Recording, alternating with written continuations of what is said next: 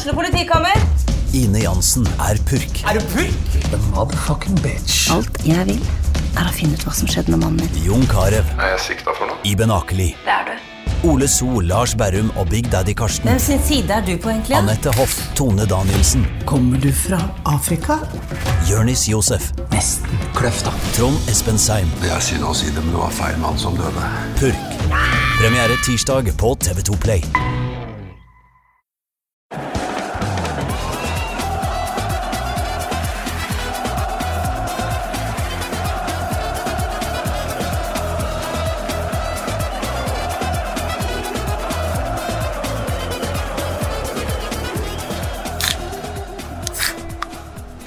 Hadde noen sagt til meg da jeg for to år siden satt i dette studio med en gærning fra Kanarifansen og deg, Runar Skrøvseth, at vi en gang skulle fyre i gang en tredje sesong med det rælet her, da hadde jeg bedt vedkommende om å roe seg ned.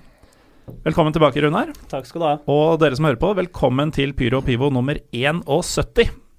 I dag så skal vi snakke om en av våre favorittligaer, nemlig andre Bundesliga, Zweite Bundesliga.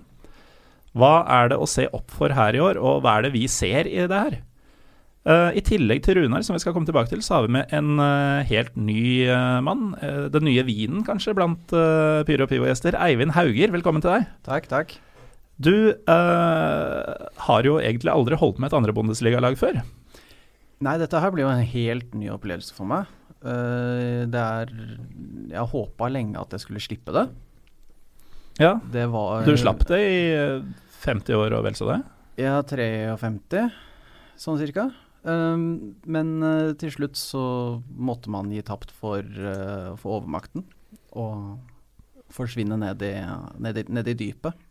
For den årvåkne lytter som nå klør seg ordentlig i huet og lurer på hvem i all verden er det av uh, årets andre Bundesliga-lag vi snakker om, som eh, aldri har vært der før? Hvem er det du holder med? Det er Hamburg. Hamburger SV. Stemmer. Um, det var vel på tide, eller? Det er jo aldri på tide å rykke ned. Eh, såpass ærlig må man jo være. Men eh, sett over, eh, over de forrige sesongene, så har det jo ikke akkurat vært noe det, altså ly, Når lyspunktet er det at du roer, en, roer deg litt sånn halvveis i land på slutten av sesongen og ender på en sånn ja, hva for noe? Tolvteplass eller noe sånt nå. Da merker man jo det at det kanskje er på tide å på tide å kjenne litt på det som finnes under. Og det skal dere nå. Hva tenker du om det? Én ting må være veldig digg, og det er å slippe den bortekampen til München. Ja, nå var det jo en bortekamp. eh, Det var faktisk ikke bortekamp, det var hjemmekamp mot München eh, i dag. Treningskamp. Den sist jeg så der, så sto det 4-1 til München. Det er jo ingenting i forhold til hva som har vært. Nei, altså både München og Dortmund har jo hatt en sånn tendens til å være kompiser. Og liksom legge på litt sånn ordentlig akkurat i kampene. Så det, så det slipper man jo. Uh, men så møter man jo storlag, da.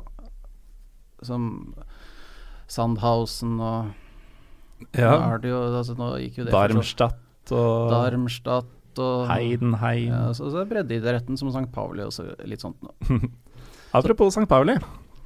Lars Skau, du er jo ikke den nye vinen lenger. Du har jo egentlig blitt en, eh, en yndet publikumsfavoritt de siste Sur månedene. gammel vin. Ja. Ja, det, det er jo hyggelig at uh, jeg får komme tilbake, da. ja, og forleden dag så var det jo en på Twitter som spesifikt ønska seg flere episoder med deg. Ja, Faktisk rett etter at uh, du inviterte meg på. Det var litt Ja. komisk. Men uten at han visste at du var invitert Ja, på. nei, det var Så- bare helt random. Her eh, granter vi ønsker eh, før du e- vet at du ønsker noe. Eh, du er jo St. Pauli-fan, det har vi kanskje vært innom eh, på et av dine tidligere besøk. Men eh, nå er det kanskje et oppbrukt spørsmål hvorfor St. Pauli, men for eventuelt nye lyttere, hvorfor St. Pauli? Det er jo det etoset, kan du si. Altså San Pauli er en idé. Ideen om at fans kan ta kontroll over klubben og utøve ganske stor innflytelse på hvordan de syns at den skal oppføre seg. Eh, både når det gjelder eh, ikke sant, altså saker, liberale saker, sånn som jobber mot eh, homofobi f.eks., som var veldig Det var den første klubben i Tyskland, tror jeg, som hadde ganske klart standpunkt mot det, når det fortsatt var kontroversielt. da. Eh, og um, altså også idrettspolitiske ting. 50 pluss 1-regelen f.eks., hvor de, de, jobber veldig hardt for at den fortsatt skal være på plass. Og har da hissa på seg Bayern bl.a. nå nylig pga. det. Um, så det er, jo, det er, jo, det som er greia. Altså, når jeg reiser ut, så føler jeg meg hjemme. da. Altså, det er liksom min typen folk. Og jeg Det er en klubb som representerer mine verdier. Det liker jeg. Nå skal, jo, skal jeg påpeke at uh, Eivind og Lars dere kjenner hverandre fra før og har sikkert et lekent uh, forhold uh, på dette her. Men Eivind, nå sa jo Lars kanskje noe av det mest pompøse jeg noensinne har hørt noen si om et fotballag, nemlig at St. Pauli er en idé. Jeg vet det høres pompøst ut, men det er sant, da. Mener jeg. Det, så det er jo det. Hvor hardt skal dere sette disse gutta på plass i år, tenker du? Um, nå, Eller blir det ikke sånn? etter at vi så Etter matchen mot Holstein Kiel, så er jeg litt sånn bekymra på hvem, hvem, vi skal sette på plass i det hele tatt. Men det Nei, altså det er, Det blir seks poeng. Til? Uh, til, til Hamburg. Det er jo ganske klart. Og så får vi se hvor mange mål det blir i hekken på St. Pauli etter hvert. Det Vi satser på det at uh, det blir noen. Eneste laget med full pott så langt. Uh, på niendeplass, uh, etter riktignok bare to runder, finner vi VFL ikke Bochum, som jeg har sagt hver eneste gang jeg refererer til dem, men Bochum. Er det ja. bedre, Runar? Ja, det var veldig bra. Du er jo den sindige av de to stemmene fra den andre episoden av Pyro og Pivo. Ja. Du gifta deg tysk, flytta følgelig til Ror, eller skjedde det kanskje i andre, andre veien, men du adopterte i hvert fall VFL fra 1848. Lukta både på opprykk og på nedrykk i løpet av forrige sesong. Ja, som, sånn sett er vel niende kanskje et sted midt imellom og ja, et sted ja, å være. Ja, men uh, den sikter høyere enn, høyere enn det. Ja, Gjør klubben det utad, eller er det du som tenker klubben det? Klubben gjør også det, men de gjør det på en helt annen måte enn i fjor. De burde selvfølgelig visst bedre, for dette er en, altså Bochum er en fotballby, og i fotballbyer er det jo sånn at når byens befolkning ikke får tilfredsstilt sine drømmer og også forventninger, så, så blir det ganske hett og bråkete. Og i fjor var det, da var det sånn, vi skal opp, i år. Ferdig med det. Det var målet, og det var uttalt. Nå var jo som Sveiterliga i fjor påfallende tom for storklubber på vei tilbake eller videre opp. Så det var virkelig en, en lomme da, mellom mm. vanskeligere sesonger hvor det var, virkelig, det var virkelig up for grab, som det viste seg også ved, gjennom Holstein Kiel, som nesten gikk opp. Nesten alle kunne gått opp i fjor, og Bohom gikk da veldig hardt ut. Og så gikk det skikkelig, skikkelig skeis. Så i år litt av det samme. Det er mulig. Det mm. er et ganske bra lag. Det gjøres en del bra ting. Det kan gå bra. Jeg er selv egentlig optimistisk, men det blir vanskeligere i år. Og jeg orker ikke engang til å drive og bli med på det opprykksdrømmeriet og så gå rett i bakken før september er over. Som Union-fan så kjente jeg det på det for uh, halvannet år siden, da Union bare vant og vant og vant utover våren og faktisk lå an til opprykk en periode. Det var jo den sesongen uh, hvor Stuttgart og Hanover også var der. Ja. Og ble jo til slutt forsterket, de og Braunschweig som tok uh, playoff-plassen. Men uh, jeg skjønner akkurat hva du mener. Ja. Fordi etter så mange år nede så føles det kanskje ikke uh, sannsynlig eller virkelig lenger at Bochum skal være der oppe. Og for Union så skal De har jo aldri vært der oppe. De skal i hvert fall ikke opp dit. Og har kjent på lukta av, av opprykket der. Ja, Det er nok en viktig forskjell, fordi altså, Bochum per i dag har ingen, har ingen bedre, har ikke bedre, heller dårligere forutsetninger enn Union egentlig til å kunne rykke opp igjen i nærmeste fremtid. Men akkurat den historien, den, den uh, Ja, den gjør noe med forventningene, den gjør noe med mm. sitt trykk i byen. Eh, på godt og vondt også. Det var eh, en av de første sesongene mine der, så, så vant vi mm, de fem første seriekampene i andre liga. Gikk rett opp i en kjempeluke, og det så utrolig bra ut. Og da letter jo hele, hele byen. Hvis man klarer å surfe på den bølgen, så er det, er det nettopp et sånt, en sånn gammel fotballby. Det er et sånt sted som bare kan Eh, ja, hvor, hvor, alt kan skje. Da rykker man opp, og så plutselig er det Europa neste år og, og sånn. Men uh, når det da først uh, går galt, og folk har trodd at uh, nå går det bra, så gjør det ikke eller likevel, så blir det så Ja, da blir det så utrolig, utrolig mye, mye bråk og tull at da blir det Det er ikke bare å ta opp tråden igjen når man uh, kommer på fote igjen. Da blir det Da gjør man skade som man må bruke så lang tid på å rette opp igjen. Du nevner jo Bochum som en fotballby, og vi var jo på match i Tyskland for halvannet år siden er det vel nå, eh, da vi var på Hanover mot Braunschweig-derbyet. Ja. Niedersachsen-derby. Og Da husker jeg at det, vi, da vi gikk rundt i gatene før match, så hadde du veldig sånn, klare kriterier for hva som er en fotballby. Ja, ja etter altså, Det også litt fordi det begrepet det brukes hele tiden. Og det og det er en fotballby, og det er, det er ingen ekte fotballby. Men hva, hva, er en fotballby? Ja, hva er en fotballby? Og, for meg, jeg har kommet frem til at en fotballby er en by hvor folk som absolutt ikke er interessert i fotball, umiddelbart skjønner at i dag er det kampdag når de går rundt i byen på en kampdag. Det er et, kanskje det, er det viktigste kriteriet. Det merka vi han over, i hvert fall. Det handler ikke bare om de som er inne på stadion, stemningen på stadion, øh, på kneipa 50 meter fra stadion. Det handler om hele, hele byen. Laget representerer byen, og byen ja, lever ekstra på en kampdag. Lars, nå sitter du og nikker litt sånn uh stille i hjørnet der. Um, er Hamburg en fotballby? Ja, det vil jeg si. Um, men det er jo en stor by. En by med mange innflyttere og mange altså folk fra resten av Tyskland, folk fra andre deler av verden. For det er en veldig sånn internasjonal by. Så ikke sant? Men hvis du, hvis du er i, i San Pauli-distriktet på en kampdag, så skjønner du at det er kamp. Og hvis du er Altså egentlig, Du ser jo folk med HSV-effekter over hele byen når det er kampdag. Uh, så altså Hamburg er i aller høyeste grad en fotballby. Men du har ikke den, kanskje den intimiteten da, som, uh, som Runa beskriver. Ja, det er vel noe annet å gå av Hauptbahnhof i Bochum eller, eh, eller Hanover, som vi gjorde, uh, og kjenne umiddelbart på det, enn å gjøre det samme i Berlin eller, eller Hamburg. Det, det, er klart, så det er en urettferdig sammenligning overfor disse storbyene. Men samtidig, se på Köln, da. Mm -hmm. Se på Köln, som også er en by stappfull av turister og innflyttere mm. av alle, alle, slag. Og Kölner ligger rett på hapa nå, for det er fullt av turister, men likevel. Köln klarer det også med sin ja, i hvert fall relativt store størrelse. Køllen er helt sinnssykt. Men der, er det, men der er det også én klubb da, som betyr mye mer enn de andre, og det, det har også noe å si i sånne byer som Bochum også kan jo Alle, alle er med, ordføreren og sånt, men i byer med flere lag så må, blir det mye mer diplomatisk fra alle mm. sånne typer institusjoner og, og hold. Og så, min, så min, min, mine barn får, får Bochum-effekter i barnehagen, liksom. Altså Fafel-effekter i barnehagen. Fra så, barnehagen?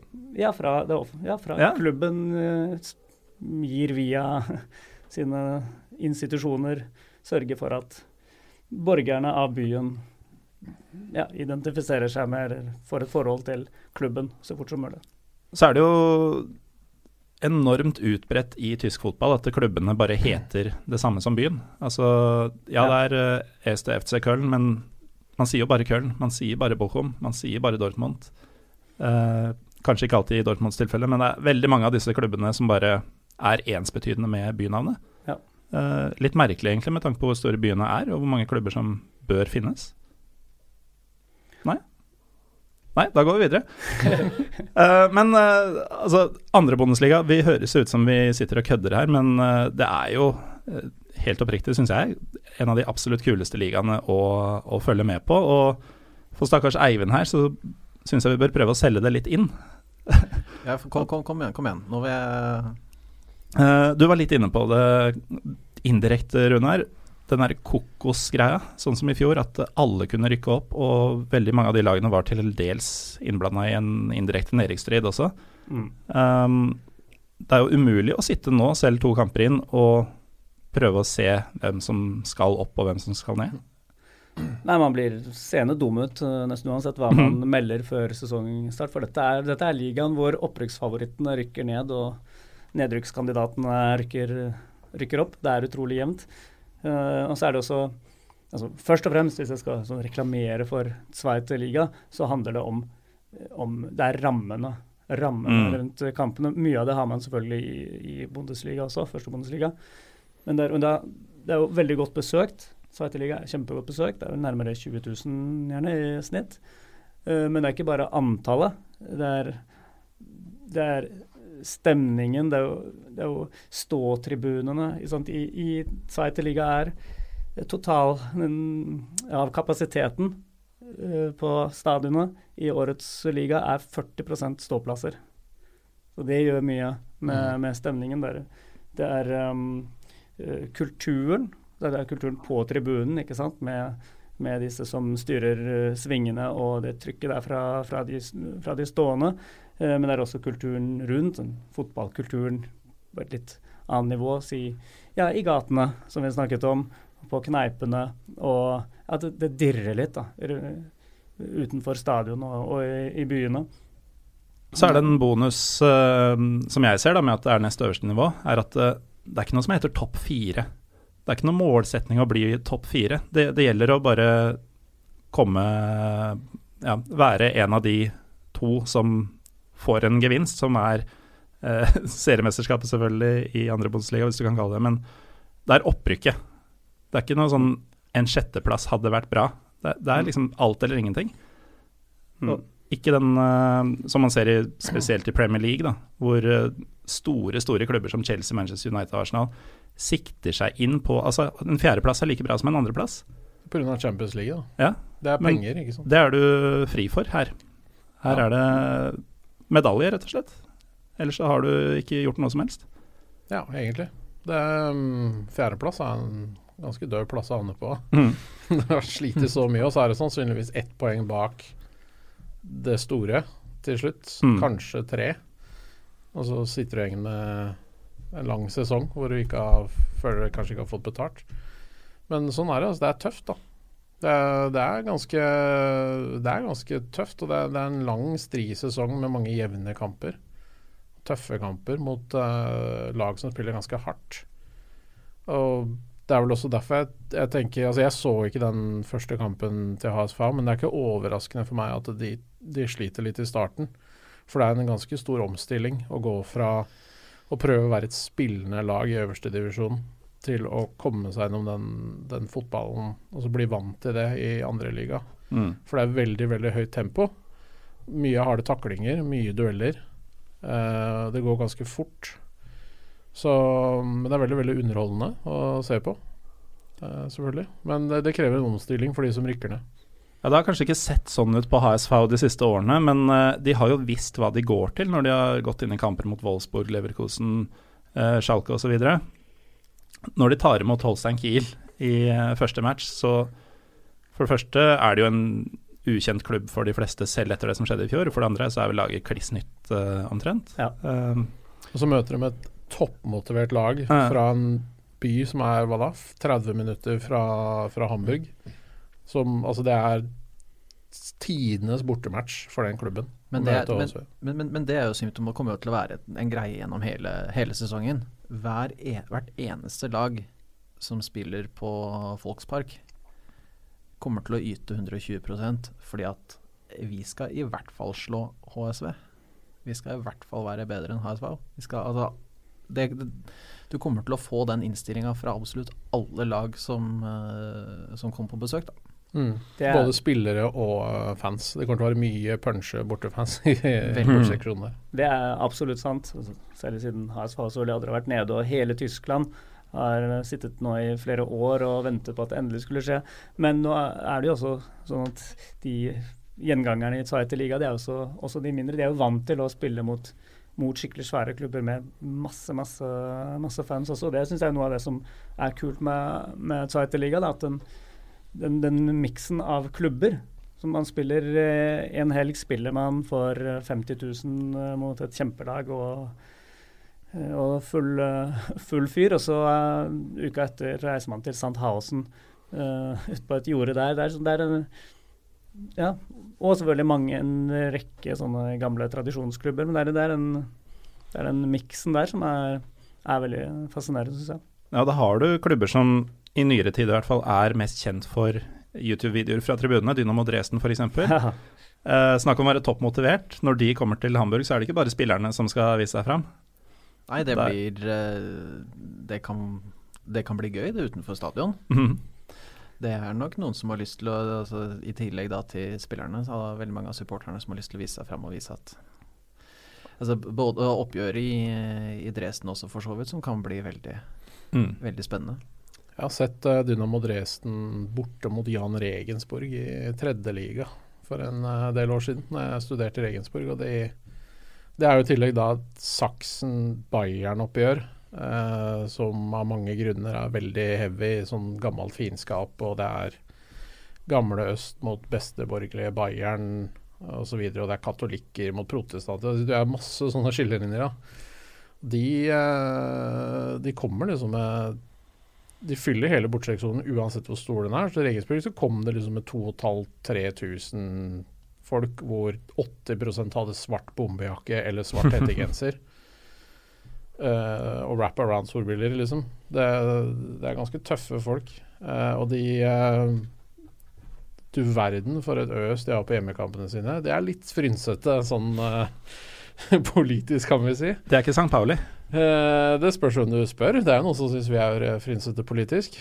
Men eh, Nei, det blir, eh, det blir Det er et av de lagene som er verdt å følge med på, egentlig. Dynamo Dresden. Altså se highlights og sånn, bare for å se det bortefølget og sånn. De hadde jo når de møtte 1860 München borte eh, for en del år siden, et lag som da sliter med å, sleit med å fylle Allianz Arena da, da kom Dynamo Dresden med 23 000 bortefans. Det var vel i andre liga. Ja, det var, det var da Nedrykkssesongen, Det var ja. nedrykkssesongen til Til 1860. 1860. Ja. Som nå er på vei opp igjen. Ja. 23 000 bortefans. 23 000 bortefans, og det er en er fire-fem timers reise hver. Det er jo Det er jo brukbart. Det er ganske brukbart. Nå så vi jo på mandag, så var det jo eh, Apropos toppklubber i, eh, i Sveite denne sesongen. Köln spilte jo sin første hjemmekamp eh, mot eh, Union. Og til tross for protest mot eh, mandagskamper, som det jo var, så var det fullt hus, eh, 50 000, og også full bortesving da, med vet ikke om det var 8000-9000 det, er, eh, det var av Union der. De er gode til å reise. Ja, de, de er gode til å reise i Tyskland. Det er bra togforbindelser, har jeg hørt. Ja, og ja, det er bra togforbindelse, men det legges også til rette for Det er jo en del av den fanvennlige uh, kulturen i Tyskland, da. uh, som ikke bare handler om det som skjer på tribunen. Eh, Bare det at du kan reise man reiser, ja, man reiser, man reiser med regional uh, Lokal og regional uh, transport, offentlig transport, reiser man med kampbillett gratis hele døgnet, kampdagen, frem og tilbake. Det er litt forskjellig i forskjellige delstater, men i min delstat. Jeg reiser, jeg reiser til og fra, reiser til og fra Düsseldorf, som er en ganske dyr togtur, for de 13 euroene jeg hadde betalt for min borteståplass når jeg vil om dagen. Og det det er sånne tilrettelegginger, og det settes opp ekstra avganger hver eneste helg i mange ulike retninger etter hvordan terminlista er og eh, hva som forventes av, eh, av, av reisende fans og, og sånn. Da jeg hadde, da jeg hadde vært på Bochum-kamp, så hadde vi base i Düsseldorf og tok toget tilbake. Mm. Eh, så hadde han ene kasta billetten, eh, for han tenkte jo ikke over dette. Hadde fått i seg noen Moritz Fiege på stadion og sånn. Eh, men han hadde kjøpt et skjerf, og det i seg selv var nok, da. Da, da skjønte konduktøren at du har vært på kamp, så det gjelder deg også.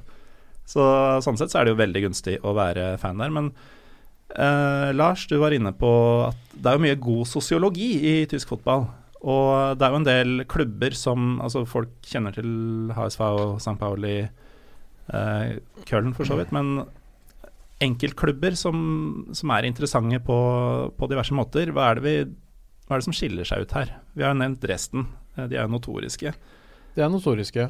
Eh, Magdeburg eh, vil jeg si skiller seg ut. De er tilbake, Oh, ja. heller. Mm. Mm. De var jo, eh, det var jo åpningskampen til St. Perli, bort mot Magdeburg. Det er jo svært ugunstig å møte et lag som også er veldig hjemmesterkt, men som enda er nyopprykka superpunche.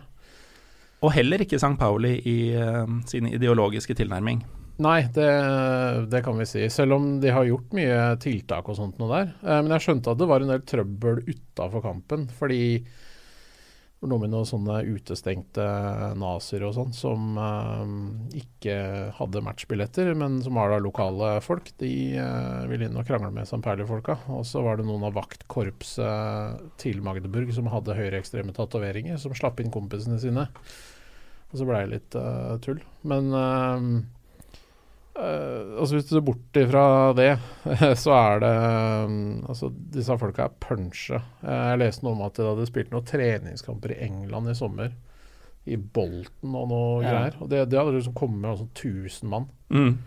opp dit. Uh, og altså det, det, er bare helt, helt rå. Det var ja. sinnssyk stemning òg, den kampen. Ja, jeg snakket, snakket i stad med, med ståtribunene og hvor, hvor mye mye det har å si for stemninga. Men hvis man ser på, sjekker en, noen helt vanlige tredjeligakamper eh, fra Magdeburg på, på, YouTube, så ser man at der, er det, der hopper de og, og synger de alle tribunedelene i lange perioder. Det, det, jeg gleder meg veldig til til tross for at jeg også selvfølgelig deler politiske bekymringene for, for de folka der, så må jeg bare tilstå at jeg gleder meg Jeg gleder meg skikkelig til å få Magdeburg på besøk til Bohom. Og jeg min plan A på bortefronten i år er, er Magdeburg eh, 1.12.-helga.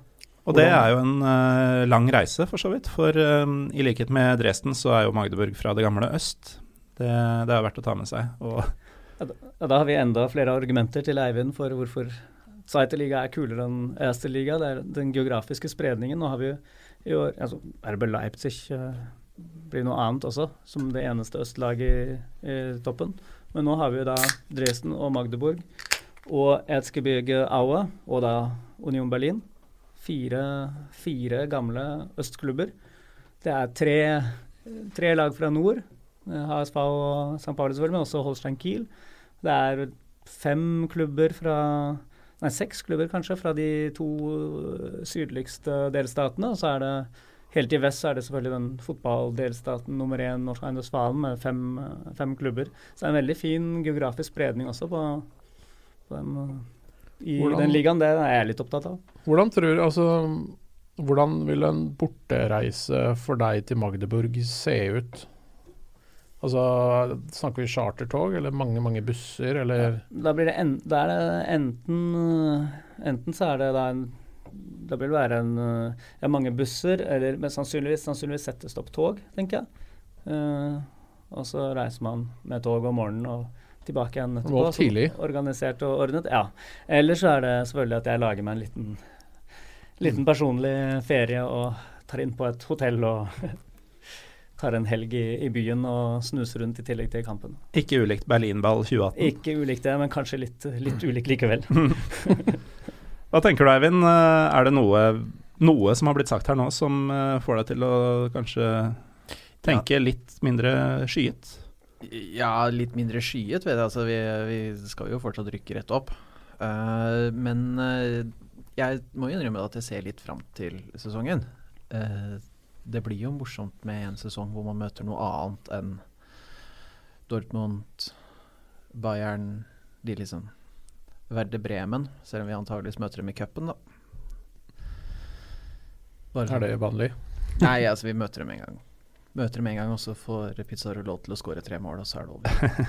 det Ja, han er i Verde Bremen igjen? Mm -hmm. Er han det? Jeg tror det er han gikk nå, ja. Han kommer aldri til å slutte, han? Nei, altså så lenge han har muligheten til å skåre noen mål, så er han vel, er han vel klar. Ja. Men da må, jo, da må, han ha fått lovnader fra forbundet eller noe sånt om, om at uh, han skal få møte Hamburg? Ja, jeg regner nesten med det. Her er det, altså, tipper at de har liksom funnet ut på bakrommet at når, eh, når, cupen, eh, når cupen trekkes, så er det varme og kalde baller og alt mulig rart. Men uh, hva, hva, er det som er uh, viktig for deg når du er nede og ser Hamburg? Uh, jeg regner med at du ikke At du kikker litt på terminlista, at det ikke bare er hvem som helst, at motstander har litt å si. Motstander har selvfølgelig mye å si. Er det da eh, klubbkultur, supportere, nivå på motstanderen? Hva er det som trekker eh, deg? Nei, altså Nivå på motstanderen er for så vidt ikke eh, det viktigste. Det er mer kulturen, eh, supporterne Er det en stadion jeg ikke har vært på før? Mm. Nå var jo Håpet var at vi skulle få tatt eh, en felles bortetur til Dresden. Mm. Det var liksom første Men det kom såpass tidlig at det blei vanskelig for uh, alle. Så første turen vår nå blir jo til uh, blir jo HSV mot uh, St. Pauli. Ja, du skal på den, Ja. Hvem er vi i dette tilfellet? Dette, I dette tilfellet så er vi en eh, gjeng eh, Det er en gjeng tyskere og meg, eh, og en nordmann til. Mm. På, som har sin eh, base på, på Bohemen. Ja. Hvor vi ser eh, Dere også? Ja, For det, Lars, dere, dere brune stjernegutta, dere er jo også på Bohemen. Ja da. Det, mm, det går stort sett greit. ja, ja, ja. Det blir heftig når dere skal møtes, da. Uh, Hamburg-derby på Bohemen, uh, det er sånn. Det, det, kan bli, det kan bli hett. Det tror det kan bli Uh, Fordelen er at bartendere holder med St. Pauli. Ja, den er litt sånn Den, den, den er litt kinkig. Nei, vi har, så vi har egen, eh, egen vimpel som vi har fått fra klubben. Og vi er jo offisiell, altså HSV Oslo er jo off offisiell fanklubb. Mm. Det, Dere er medlem der. Så vi, eh, nei, det, vi er, det er som sagt en gjeng tyskere og meg og en, en annen nordmann. To andre nordmenn. Men da kan vi vel like gjerne snakke litt om Hamburg Derby. Første gang siden 2011 eh, at de møtes. Det, det føles liksom som noe helt nytt, men det, det er jo ikke det. De har jo møttes opp igjennom, men aldri her. De har møtt hverandre 92 ganger. Ja. Uh, HSV har naturlig nok vunnet flere. De har vunnet 59 kamper og St. Pauli 19. Det er ganske solid eh, kompleks dere går inn der med. Jo, men det, altså, all, det er ingen i St. Pauli som går rundt og tenker at vi er like store som HSV. Det er ikke det som er konseptet, liksom. Det er ikke det som er ideen, Vi, vi slår Pauli. nedenifra. uh, men uh, vi vant jo sist, da. På Volkswagen stadion. Det var jo ganske legendarisk, egentlig. Gerhard Asamoa, uh, Schalke-legenden, skåra på St. Pauli det eh, kanskje én av to corner i matchen. Eh, og HSV brant vel i hvert fall 500 sjanser, tror jeg, i den kampen. Det høres ut som HSV. Så De hadde Ruud van Nistelrooy på topp, Ja. og han skjøt over på åpen mål fra Mm. to meters hold. Blant annet, husker jeg. Jeg så den kampen på pub i Regensburg. Um, det var ganske komisk, for å si det sånn. Klassisk Van Nisselrøy. Men det er også, dette derby har også lidd litt under at uh, mange av disse eldre oppgjørene så ble alltid spilt på, på Folkspark stadion, fordi Millern Tor var ikke stor nok Mm. til å, til å ta de kampene, så St. Pauli valgte å spille borte. Hjemmekampene sine borte. Det er vel Det er egentlig ingen St. Pauli-kamper som er hvor Milan er stor nok. Nei, det, det har jo vokst litt, da. Det har jo stadion vokst, men den selger jo fortsatt ut. Eh, nå var jeg så heldig nå at jeg klarte å ordne meg billett til San. Pauli mot Køllen om tre uker. Mm. Så da, da skal jeg ned dit. Eh, for vi som heter Brune Stjerne, vi er jo registrert som en offisiell St. Pauli supporterklubb. Det er egentlig den eneste måten å få tak i billetter på, omtrent.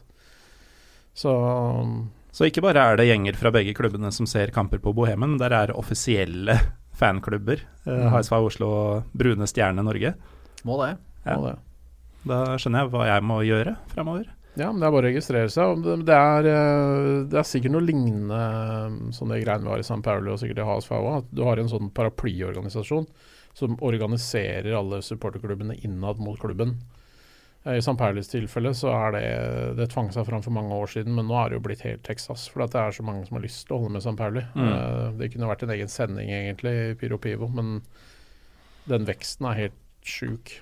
Altså, nå har de fått en egen paraplyorganisasjon for nordamerikanske supporterklubber som heter eh, Nord-Amerika Kurve.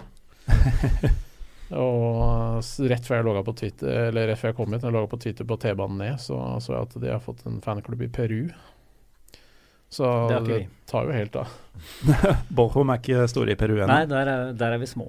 Men da du herja rundt i Det vet jo de som hørte på episode to, men kanskje ikke alle andre, at eh, du herja jo rundt i Sør-Amerika i et års tid, eh, Runar. Ja, det, var kanskje før du ble bitt av eh, Bochum-basillen? Det var før jeg ble bitt av Bochum-kvinnen. Ja, Ja. Kvinnen, faktisk. Og der, deretter basillen. Ja. Ja. Så dersom noen reiser rundt i Argentina i dag og finner en eh, en uh, Roer stadion-kneipe, så er ikke det pga. deg. Det har jeg ingenting med det å gjøre. Nei, Nok om det.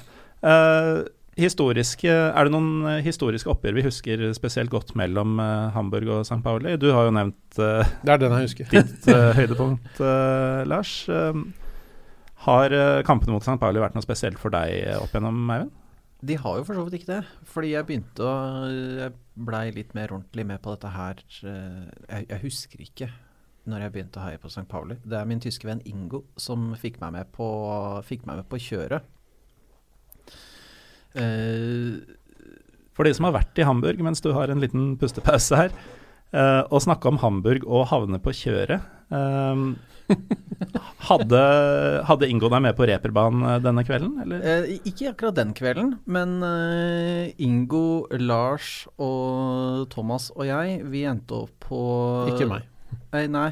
Uh, ikke, ikke, han, Lars. Uh, men vi endte opp på Toti Bar på, i, i, Hamburg. uvisst av hvilken grunn. Men det var, det var i hvert fall da Totti Frotti Bar, og det var ganske, det var ganske ille det gikk bra.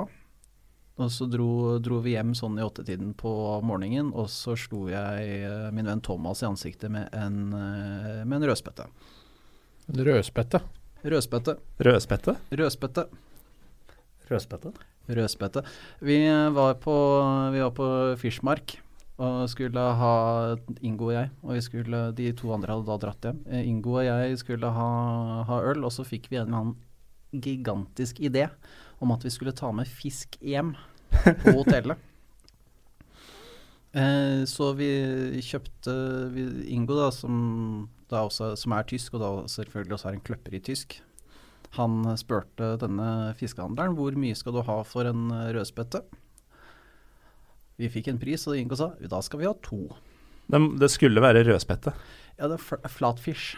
Ja. Det var liksom det som var, det, det som var greia her. Så vi tok med oss denne, disse to rødspettene tilbake igjen på hotellet. Grand Elysée, et fantastisk flott og stilig hotell. Så dro vi opp på, opp på rommet, først der hvor vår venn Lars, ikke St. Pauli-Lars, men vår, vår, andre venn Lars, uh, lå og sov. Tok uh, denne, denne rødspetta og klasket han i ansiktet. Lars tok og veltet seg over, dro dyna over og fortsatte å sove. Så tenkte vi at dette må vi prøve på Thomas også. Så vi gjorde det på Thomas akkurat det samme. Da han trakk uh, dyna over ansiktet sitt, så begynte vi å kile han mellom tærne. Med rødspette? Med rødspette. Mm. Med, vi tok liksom sånn med finnen og bare tok og Dere var kliss edru, skjønner jeg? Ja, ja, ja. Det var helt nydelig, det. Nei, ja, det var en fin tur. Det var mitt, mitt første ordentlige møte med, med, med, Hamburg. Jeg tror jeg aldri har sett Thomas så sint, verken før eller etter. Men uh, du var på kamp på denne turen? Eller? Ja, ja, ja, vi var på kamp. Da så vi, da vi hjemmematch mot uh, Hertha Berlin. Mm. Hvor uh, Ruud van Nistelrooy uh, drev og prøvde å herje. Ja. Det var Jeg husker ikke helt resultatet. Tror vi lurer på om vi tapte. Jeg har, sett, eh, jeg har ikke sett Haas Fav mer enn to ganger i, i, Tyskland, faktisk. Og begge to matchene har vært mot, uh, mot Hertha Berlin. Den andre var, var, i, uh, var, i, Berlin. Så da Begge matchene var ganske begredelige, etter hva jeg husker. Ja, det, det tror jeg på. Um, men hvordan er det Lars, du ga jo inntrykk av at uh, det er ingen i St. Pauli som tenker at de egentlig skal konkurrere med Hamburg, i hvert fall i størrelse. Mm. Um, hvordan er egentlig forholdet mellom disse to klubbene? Jeg ser litt for meg at HSV eh, kanskje ikke tar St. Pauli helt på alvor. Som en, ikke som en rival, i hvert fall. Mer som en sånn plagsom lillebror som du helst bare vil sparke ut av rommet, men som kommer inn likevel. Jeg er vel ikke helt uenig i det. Eh, de er jo Altså, det er jo en De er jo ikke en rival sånn sett. De er et, uh, det er et oppgjør som er viktig, selvfølgelig. Men uh, det er jo fordi at jeg er fra samme by, og det er alltid, alltid er gøy å slå naboen. Men uh, det har jo vært så på Nå har det jo vært, uh, som du sa, sist møte var i 2011. Så jeg tror nok mye av det der rivaliseringa kanskje er mer på supporter mm. Altså på, mellom supporterne. Det er mellom Altså nivåmessig på klubbene. Altså det er jo mye sånne du ser mye anti-Has-Far-klistremerker og sånn rundt i, i, distriktet der, selvfølgelig. Og det er jo Men altså, jeg har vært på kamp mellom Hertha Berlin og HSV og stått og høre på HSV-fans rope 'Scheisse Pauli' i ti minutter i strekk. Eh, så det er et fokus den veien nå, men jeg tror det er mest blant ultras og sånn, tror jeg. Men det har noe med geografien i byen å gjøre, tror jeg. Fordi Uh, altså For de som ikke er kjent i Hamburg, da, så er San Pauli er uh, en bydel litt vest for liksom sentrum, som er det historiske havnedistriktet. Uh, og der hvor det har vært havn i mange hundre år, der har du jo fyll og fanteri. Altså, så det har blitt et sånn partydistrikt. da. hele økonomien til San Pauli er liksom bygget på prostitusjon og fyll. Uh, og handel. Um, Politisk korrekt klubb, var det ikke det? ja, nei, men det har vært uh, mye. Jeg kan ta noen historier om det òg. Et firma som leide Vipbox og satte inn strippepåler f.eks. på Millerntor. Da ble det demonstrasjoner utafor, og fikk de fjerna. Mm. Så, men de har også hatt pengeinnsamling til horene i Hamburg. Nei, omvendt, selvfølgelig. Horene i Det var en eller annen gang de måtte bailes ut, reddes økonomisk så hadde de Fuck for San Pauli, sånn at uh, horene ga en prosent av det de fikk inn til klubben. Så, altså, altså det, er en, det, er litt uh, Men altså det, er, det, er, liksom en del av lokalkulturen, da. Prostitusjon. Det høres jævlig rart ut, men det, det er sånn det er. Og nå, hvis du er der nå, så er reperbanen er liksom veldig sånn berykta sånn i, i Norge, men det er egentlig bare en partygate. Der er det public viewing av Eurovision og fotball-VM og Masse britiske utdrikningslag. Ja, masse britiske utdrikningslag. Den virkelig heavy horegata, det er én sånn sidegate. Um, men du har en underlig miks av familieunderholdning og uh, ganske heavy strippebuler som jeg ikke har sett noe annet sted. Så det er en litt sånn disnifisering av et Red Light District med høy partyfaktor. Det er veldig, veldig spesiell eh, lokalkultur, da, altså for å si det sånn. Mm. For dette, dette, hele bydelen er jo prega av det, for det har vært sånn i mange hundre år. Og så har det blitt mer og mer hipt pga. Det er sentrumsnært, og det har vært eh, lave boligpriser. Og så kommer gentrifisering, og så får du husokkupanter, og så, ikke sant? og så var det det miljøet som flytta inn i fotballklubben på 80-tallet. Så Men så Du spurte hvordan Altså nærheten var det jeg mener med Altså hvis du skal på byen i Hamburg, så drar du sannsynligvis ut i St. Perle-distriktet, selv om du er HSV-fan. Mm. Og en av de største HSV-pubene, som heter Tankstellet, ligger midt i reperbanen der. Og der er det mye sånne hooligan-elementer og sånn fra HSV som vanker. Så de drar jo ut om kvelden noen ganger og oppsøker bråk i rundt For de vet jo hvor St. Perli-fans henger rundt sine utesteder og sånn. Så det, det, er liksom kontinuerlige gnisninger mellom disse fanklubbene fordi de er så tett på hverandre. Mm. For Folksparkstadion er jo ganske langt vekk, men Millerntor ligger jo vegg i vegg med selve repebanen. Ja, det er to gater opp. Mm. Så det er, Millerntor er veldig sånn sentrumssted. Um, det er jo ikke parkeringsplasser her engang. Så sentrumsnært er det. Så, og det gjør at du har en sånn kontinuerlig gnisning og litt trøbbel og sånn mellom fanklubbene, eller altså særlig ultras og sånn. Plutselig kan det dukke opp Altså du kan være ute på byen og sitte på en St. Pauli-kneipe, og så plutselig kommer et firma med 30 HSV Ultras og smadrer puben du er på, liksom. Um, det lager jo litt dårlig stemning, da. ja. uh, så derfor så lever det derbyet videre, selv om lagene møtes sjelden. Så det er grunn til å tenke at uh, det kan bli hett rundt øra på Eivind ja, på kamp? På kamp så tror jeg, jeg tror ikke det kommer til å bli så Volkswagen stadion er Jeg tror Millern er noe helt annet, da, for ja. at det er i byen. Men Folksparkstadion det er liksom litt, litt utafor, og der, der har politiet alltid lockdown. Og så har jo Has i tillegg har jekka opp billettprisene 125 til den kampen, så de skal jo virkelig ræve alle tilskuerne, både sine fans og, og våre fans, til ja, den matchen. Ulrik Motsfeldt spurte om det på Twitter, om vi kunne nevne det. At uh, enkelte klubber til store oppgjør rundt omkring i verden skrur opp prisene når de vet at uh, etterspørselen blir høyere. Det har HSV da gjort for kampen mot St. Pauli. Hva, hva, tenker vi om det? Kanskje du først, Eivind, som, som jeg, har kjøpt? Ja, altså jeg syns ikke noe om sånt noe i det hele tatt. Uh, legg deg på et nivå, og så holder du det der. der. Jeg skjønner at klubb, eh, klubben har lyst til å tjene penger, men jeg syns det er feil måte å tjene penger på. Eh, det det syns jeg uansett egentlig hvilken klubb det gjelder. Mm. Hadde Vålerenga funnet på det samme, så hadde jeg blitt rimelig irritert. Lillestrøm gjorde jo det mot nettopp Vålerenga i 1999. Mm. hvor Den derbykampen så vi på Jordal Amfi, på Ja. betongen på storskjerm. Sånn må man reagere på det. Ja. Ja, Det det, var, en, det var jo noen som dro opp dit, men det var en relativt effektiv boikott, tror jeg. Fire stykker eller noe sånt, tror jeg. Lettere å lage borteboikott enn hjemmeboikott, selvfølgelig. Men jeg, jeg synes, og særlig et land som, som Tyskland, med den faninnflytelsen og sånn, er det er, er det en er det utilgivelig å gjøre. Og, og i det HSVs nye, nye liv som en, eh, som en kjempetorsk i en sånn bitte liten uh, Som en enorm breiflabb.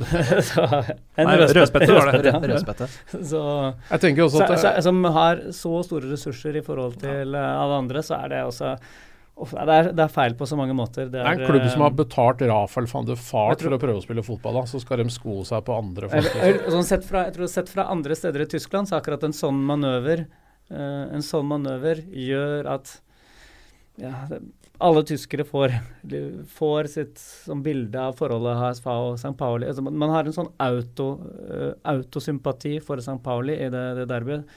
Eh, selv om det er en del som er lei av dette, denne voldsomme hyping av at St. Pauli er politisk korrekte, for det er massevis av andre klubber og fansener og sånn som også har gode meninger og holdninger og, og aksjoner, men, men det er noe med Det er en sånn, det er sånn um, Ja. Det blir bare nok en bekreftelse på at åh, ja, det, St. Pauli er de gode, liksom, i den, den Jeg tipper at de får mye kjeft av sine egne fans òg. Jeg er har ikke fulgt med på på. det, men det skjer helt garantert. Mm. Men det er jo, som du sier, da Det er, det er jo ikke kjempe-PR for HSV når de først skal ta imot et lag som er vesentlig mindre, men som folk rundt omkring i verden har et Altså, til HSV så tenker man enten ingenting eller ja, stort sett ingenting, kanskje, annet enn at det er en stor klubb. Mot St. Pauli så vet alle hvem de er, hva de står for, og veldig mange syns det er sjarmerende. Nå har HSV muligheten til å, til å vise seg fra en hyggelig side, og dette er det første de gjør. Samtidig så har de jo det at du Folk gikk jo bare rundt og venta på at uh, HSV skulle rykke ned. Og når det endelig skjedde, så var det jo var det jo veldig mange som var veldig fornøyd med det. Og, det og dette, dette stuntet her da bidrar jo ikke til å liksom øke populariteten utafor uh, området sitt. Standingen er lav, skal jeg dømme fra, en nøytral, fra et nøytralt ståsted i Bochum. Jeg har vært på, To ganger har jeg vært på nedrykksfest for HSV, en kvalikkamp som ikke ble nedrykk. Men, Men det HSV er- er- er jo eh, Tyskland har ventet veldig lenge på De er jo veldig upopulære også fordi at de er så jævlig svære. Og så har de den litt av den arrogansen som du kan se hos Bayern München f.eks. Bortsett fra at de da rykker ned, da. Fordi eh, de har ikke nivå til Bayern. Men de er jo på en måte et nordlig Bayern München. Altså det er en, det er, det er en mye, mye større klubb enn mange skjønner. Uh, det er vel Tysklands nest største klubb, tror jeg, etter Bayern. Ja, ja det er vel ikke protestere på det, egentlig. Nei, man kan i hvert fall diskutere, eller hevde det, uten at folk slår huet av deg. Ja. Og det, det sier jo egentlig litt om Og den bevisstheten er nok mye større i, i Tyskland enn Mm. den er blant, blant norske, norske fotballinteresserte. da. Så, Derfor er det Der- svært også- i andre liga når disse- HSV kommer rundt i alle laga der. ikke sant? Mm. Det Alle mobiliserer jo pga. det. Ja. Og derav også denne veldig ventingen på at de endelig skulle, skulle komme ned. Det er jo nettopp fordi de er De har en eller annen litt spesiell status. og har mange som... Det er som som når Brann rykka ned her, liksom. Og så Ja, da ja. mobiliserer liksom lokalfolka litt ekstra rundt omkring. mm. Men Runar, hvor stort er det for andre Bundesliga at uh, HSV er der, i forhold til da f.eks. Stuttgart var nede for et par år siden? Det er mye større. Det er det. Har, og det har med det å gjøre, tror jeg. Det er en sånn utrolig forslitt og teit ting å si, men jeg tror, jeg tror ikke folk her forstår hvor, hvor store HSV er. Ingen i Norge Ja, forstår ikke sant? hvor ikke sant? Jeg drar Jeg prøvde å Jeg drar det. jeg Ja. å si det, men jeg er ordla meg annerledes. Jeg, uh, ingen blugsler her. Det, ja, det er veldig stort. Og det, og det er ikke bare med klubbstørrelsen og posisjon, men det er også den derre de dinosaurgreiene at de hadde aldri vært nede på den der jævla klokka som de, ikke sant, de over 50 år. og sånn, Det var så mye Ja, det var noe sånn Det, var, det ligger litt sånn karma Og det var en Folk, folk har ventet på at eh, karma skal komme og ta dem, og arrogansen skal De skal betale for arrogansen osv. Så, videre. så derfor er, det, derfor er det ekstra stort. Også fordi øh, også fordi øh, siden de aldri har vært nede, så er det veldig mange klubber på nivå to som aldri har Altså reisende fans og sånn, som aldri har vært borte mot HSV, som aldri Mm. har sett HSV i egen by eller tettsted. Og det, er, øh, det er også en faktor. Og så den klokka du nevnte, Tifon eh, til Wolfsburg var det vel i siste runde der, når de rykka ned. Når det bikker 90 minutter, så drar Wolfsburg-fansen opp et banner som er en kopi av den Bundesliga-klokka som henger på stadion, og så begynner de å telle ned. Ja. Telle sekunder med sånne E tostangsflagg eller et eller annet sånt noe. Så du, du ser han teller ned at nå ryker dere, liksom. Det var et sjeldent høydepunkt fra Wolfsburg-fansen. Ja. Altså. Jeg tenker at det skal være dem. Ja. Uh, vi må litt tilbake til eh, Jeg hopp- føler vi hoppa litt uh, fort eh, derfra, men eh, vi nevnte egentlig bare Magdeburg og Dresden stort sett som interessante klubber eh, som kanskje går litt under radaren på folk. Eh, Runar, dette er jo din, din mulighet til å skinne. Eh, Oi. Vi, vi har jo snakka litt om uh, ditt nærområde, hvor det er Ja. mange store klubber. Nå er jo Køllen der også, eller Mm. Kjøln som de heter her i studio. ja. Um, men når du ser på årets andreligatabell, hva er det folk bør um, ha et ekstra øye med? Mm, hvis man ser på sånn kamper, om jeg si det som er, er nevnt, da, Dresden mot Vi har nevnt Dresden som en interessant klubb, Magdeborg som en interessant klubb, med, spesielt på tribunen. Men det oppgjøret er jo også et sånt Mm. tungt østderby som man har veldig sjelden. Så de kampene mellom Dresden og Magdeborg, de blir, blir elleville. Uh, og på sånn uh, på lite plan for for ja, dere Eivind som er nye på det nivået, så er det kult med f.eks. Uh, Bielefeld Paderborn. Mm. De er veldig tette naboer i Øst-Vestfalen. Uh, det er et skikkelig, det er et skikkelig lokaloppgjør, som også er sjelden. Paderborn er, er nyopprykket.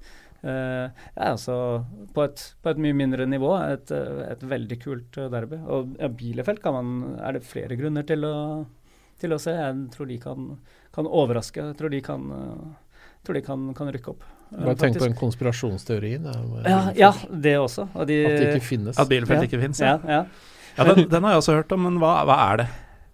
Det er vel en joke på at det er sånn fuck all-sted som ingen drar til, vel? Ja, og så har de jeg, husker ikke, jeg har lest den Wikipedia-artikkelen sikkert tre ganger, men jeg glemmer det hver gang. Men det, og- Så det er liksom litt sånn der hvem Du kjenner jo ingen fra Bielefeld. Er jeg, jeg dro dit for å finne, finne det ut for et Ja. par sesonger siden. Du har vært der? Dro, jeg dro på bortekamp i Bielefeld. Du og er det var- med på Ja, og det, det jeg, jeg kan avsløre at de finnes. Og det var et, jeg likte det. Det var et bra, et bra sted for fotball.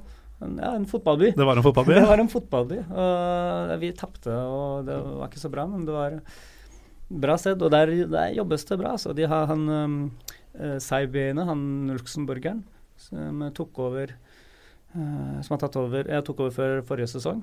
Uh, som kom fra sveitsisk fotball. Virker som gjør en veldig bra, veldig bra jobb. De har eh, eh, ja, de har hentet han, han eh, fra Færøyene, han Edmundsson, som en gang var i, innom Viking. Fra, de hentet han fra dansk fotball. Så hvordan, det er veldig få andre ligaklubber som gjør sånne, sånne stunts. En færøying fra, fra Danmark. Men han har vært voldsom i sesongstarten nå. Og så har de hentet f.eks. en Sven Schiplock. Jeg tror jeg også er Ja, du, du ler selvfølgelig. Men, nå- men ja, men der, der eh, Nå fikk Eivind migrene. ja, og, ja, det skjønner jeg. Men det, min, min, eh, min påstand er eh, at Skiplok han har bare vært på Han har kastet bort karrieren sin på å være for, på et for høyt nivå. Sant? Sitte på benken i Bundesliga, det var ikke helt hans nivå, men han kan ja, Så var han på lån i Darmstadt i fjor, men der var det jo bare tull. Jeg tror 29 år gamle Sven Skiplock jeg tror han kan skåre skåre mye mål og være veldig viktig på, på det nivået. Jeg tror Nei, nei Bielefeld de jobber bra. Jeg tror de, de kan Ja.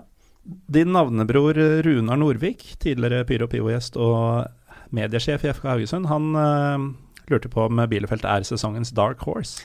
Jeg vet at han er litt, eh, har en litt uh, soft spot for Bielefeld, men han er jo også en av mine klokeste navnebrødre. Så da er vi to. Da er vi to om å se for oss en uh, overraskende god sesong for Bielefeld. Um, andre klubber du har et lite soft spot for, eller? Uh, jeg liker uh, Darmstadt. Det er også Vi snakker fotballbyer og sånn. Darmstadt er eh, bra. Der har jeg aldri vært. Men det har, eh, har bare et inntrykk av at det er, det er veldig kult. Jeg var veldig glad da de holdt plassen, eh, i fjor. Mm. De, de var jo et veldig positivt innslag i Bundesliga også, da de var, der- da de var der. Ja, det var den sesongen hvor eh, de to nye var Stad og Stad. Darm og Ingol. Ja, nettopp. Og Da var det ikke vanskelig å velge hvem, Nei, eh, det var ikke vanskelig å velge. Darmstadt, kjempe, kjempekult. Uh, hva er kult med dem? Eh, Stadion. Bølle, Bøllefalltoa. Det er veldig, veldig spesielt. Uh, nå blir det litt mer tak og, og sånt der. Og det er en uh, Ja, som sagt, nå snakker jeg uten å ha vært der, men uh, det er inntrykk at det er også en sånn fotballby som er ikke så stor, men veldig mye dreier seg da om, om laget, klubben. spesielt når det dreier seg mot kampdag og, og jeg mener jeg har sett at det er en litt sånn banehopperfavoritt. Ja, nettopp. Nettopp. nettopp. Kult sted, kule fans og veldig fine bortefans og, uh, også. Og jeg tenker altså, folk som um, altså folk som er litt nysgjerrig på, på andre Bundesliga eller uh, tysk fotball, vil jeg anbefale å dra til sånne steder. Altså hvis de, da finner man veldig, veldig fort ut Sånn som man egentlig feilaktig for utenforstående, eller skal vi si uforstående, kan virke som grå mus. Da, si Darmstadt, uh, Bielefeld, Dresden eventuelt, uh, Duisburg og, og også Bochum, uh, er egentlig Altså hvis man har anlegg for, eller potensial for å like den særegne tyske fotballkulturen, så er det de eh, stedene de må stifte bekjentskap, bekjentskap med. Og så er det rett og slett perleporten inn til uh, tyske fotballhimmelriket, hvis man liker det. sypomerker og Ja, ja, ja akkurat. Ja, du Det er- er litt fascinerende. Jeg syns det er litt fascinerende. Jeg, jeg har prøvd å studere disse folka litt. Uh, jeg skal innrømme at jeg hadde vel ikke akkurat gått med det rundt uh, i Eliteserien i Norge.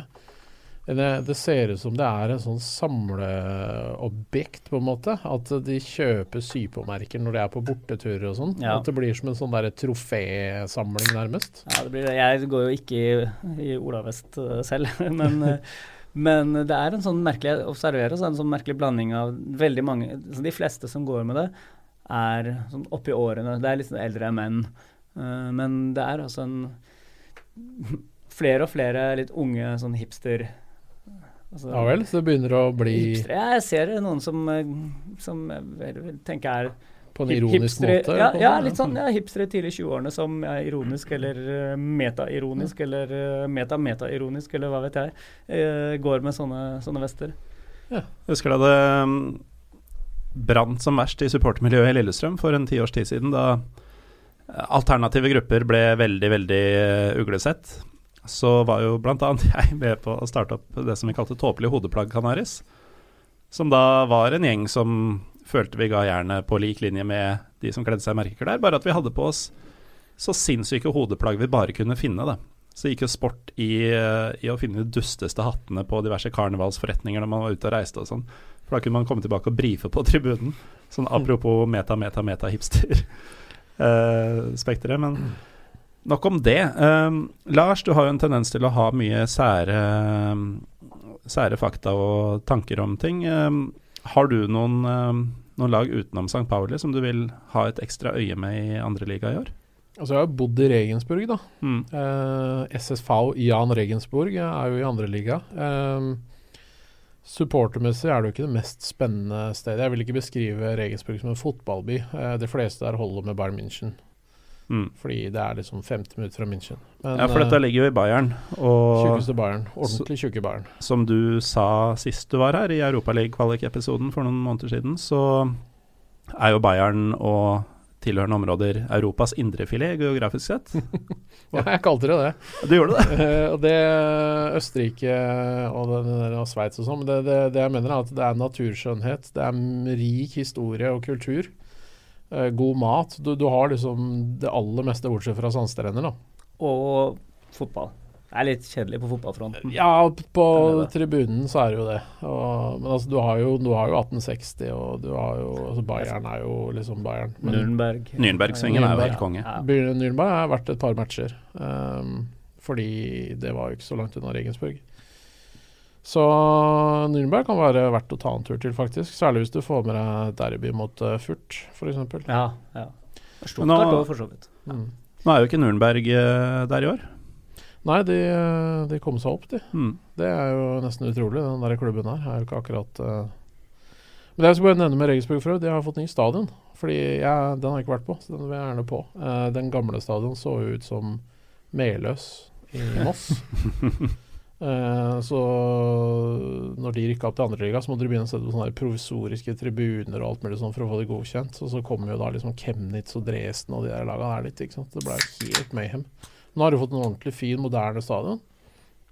Um, så nå er de godt rusta til å være i andreliga. Uh, og det er mye penger i den byen.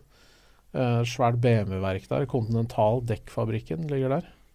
Uh, de uh, har jo navnesponsor til stadion, eh, Mm. blant annet. Eh, så altså i Senf, hvis du har hørt om det. En Nei. stor sennepprodusent. Med bayersk søtsennep. Jeg spiser ikke sennep.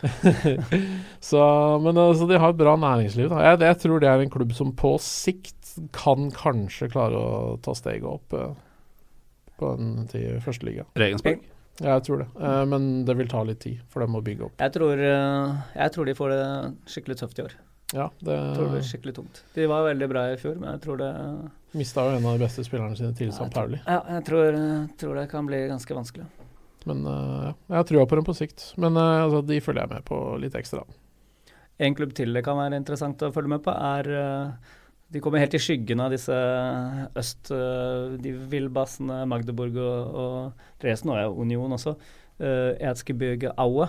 En Mm. mindre klubb fra et lite sted i, i øst. Men der uh, gjøres det mye interessant. Du snakket om i stad at det er så det tøff og hard fotball og så videre på nivå to. Det er det jo egentlig, men det er, det er også en ganske taktisk liga oppi, oppi alt annet. Tedesco slo jo gjennom der. Nettopp. Uh, Aue har vært utrolig i- front, eller hva man skal kalle det, eller tatt store sjanser som andre ikke har tatt, eller hva man skal man kalle det. De i hvert fall har vært veldig opptatt av å lete etter, etter trenere og, og, eh, så, og andre i støtteapparatet som tenker nytt, og som tenker mot fremtiden, og som er litt, er litt eksperimentelle og, og sånt, da, i, sånn rent faglig og taktisk. Og det var de som uh, ga Tedesco-jobb da han var ferdig på skolen, før han gikk videre til eh, Schalke. Det var da han tok over et helt forferdelig A-lag som var på klar vei mot nedrykk, og en av de første kampene hans var borte mot Bochum. Eh, og da, jeg vet ikke hvor lenge han hadde vært der, tre uker eller noe sånt, og de spilte ball i hatt med et spillende Favell Hmm. i, eh, i hvert fall 60 minutter. Det var utrolig å se på. Og de har nå hentet en ny trener. De, også, de har fortsatt en ganske svak stall, og sånt, men det er også, der kan det skje mange Det kan, er spennende å følge med på. Det er Daniel Maier heter han, jeg vet ikke så mye om han, men han er helt uprøvd på seniornivå. Det er sånn typisk Aue i nyere tid. De leter etter de leter etter de nye som kan virkelig bli noe på trenerfronten. Så han de- var sist i Köln på, i junioravdelingene der. Har ikke de bygd uh, stadion og greier? Ja, det har de. De har bygd, eh, bygd nytt, eller bygd om. Det er Eller også en sånn gruvesjakt Ja. eh, entré, litt sånn som Mm. uh, Sjalke. Ja. Mm. Kanskje bare enda kulere, men jeg husker jeg har sett Ja. noen bilder av det, og det var ganske imponerende. De er, For dette er jo en gruveby. Ja, det er det. Så sånn sett er det litt broderskap med, med ro, da. Tidligere Vismut, er Ja, det det? Vismut. For det er Ja, jo Vismut et eh, gruveselskap fra gamle DDR. Ja. Så urangruver, men jeg husker. Ja. Sikkert tar det feil. Ganske kule fans òg. I mye mindre og litt mer sivilisert skala enn enn Dresden og Magdeburg, men de har vært uh, Jeg så dem borte mot 1860 Ja, for en ja. del år siden. Jeg har sett dem i, De var, i eh, Bochum et par ganger. Da har de uh, overrasket meg med rela relativt lavt antall, men bra, bra trykk, egentlig. Det er en klubb som blir tatt på alvor av de andre gamle DDR-klubbene. Uh, en av de fete altså, Nå har vi ikke fått snakka noe særlig om Union, uh, det er greit. Men uh, hvis man vil se Union-supporterne på sitt beste nærmest, så finnes det en video på YouTube fra en bortekamp mot Aue for noen år siden. Masse pyro og flagg. Eh, bare søk Aue Union Berlin Gesteblokk, så tipper jeg den kommer opp ganske fort. Um, Eivind, nå er det ikke mange lag igjen å nevne, men uh, altså St. Pauli-matchen ser du selvfølgelig fram til. Køln er kanskje ikke noe spesielt for dere, siden dere er vant til å spille mot dem. Er det noen matcher du tenker blir, eller motstandere det blir kulere å treffe på enn uh, en andre? Ja, så jeg har lyst til å dra på, dra på bortematch mot uh, Jan Regensburg. Mm. Uh, og så har jeg lyst til å se Union Berlin. Nice. Eh, det, det er på en måte de to jeg har prøver og tenker at nå rekker ikke jeg å få med meg noe mer matcher enn denne her nå, det, nå, i vår, nei, nå på høsten. Men uh, til våren så skal jeg ha én bortematch. Mm. Og da får vi se om det er om jeg klarer å trumfe gjennom at det er en av de to. Stein, saks, papir mellom oss da, Lars. Ja, altså jeg vil anbefale tur til Regensburg. Det er veldig flott, uh, velbevart middelalderby. Og jeg vil anbefale en tur til Berlin, som ikke er en flott, velbevart middelalderby. Nei, Må Berlin har jeg vært i før. Så det, det, det, der veit jeg liksom eh, vi, Igjen da så klarte vi klarte å eh, miste Ingo på en eh, T-banestasjon. Han gikk den ene veien, og vi gikk den andre. Det gjør man ikke i Regensburg. Nei, så kanskje det er tryggere. Lettere å ta poeng òg, Ja, kanskje. kanskje. Nei, så jeg, jeg tenkte litt på å se om vi kunne trumfe gjennom noe på Jan Rengsburg. Jeg husker ikke helt når vi øh, møter Når vi skal dit, men jeg tror det er vel kanskje i februar allerede. Union Berlin er i april. Mm. Det er litt mer klimavennlig i april, kanskje. Ja. Jeg kan kle på meg, ja, det er ikke så farlig. Surt i Ja, ja. februar, altså. På Jeg satt, og, jeg, jeg satt også, Når du nevner surt, så satt jeg og så Jeg var på Craven Cottage og så Fulham mot Aston Villa for en god del år siden, da Eirik Bakke var i Aston Villa. Og da blåste det så surt. Det var sånn der, eh, Vi var en tur over, på, over i London og bare sånn tenkte at nå skal vi få med oss en kamp, og så var vi i nærheten, og så tenkte jeg at vi sjekker om det er billett ledig, og så var det billett ledig, og så havna vi på den ene kortsida. Vinden, den der sure, forferdelige vinden, går rett igjennom. Så akkurat det der, der er ikke På ståtribunen i Tyskland, vet du. Der står man i silde Ja. tønne og merker Ja. ingenting Mm. til vinden. Ja. Litt glyvein og Ja, ja.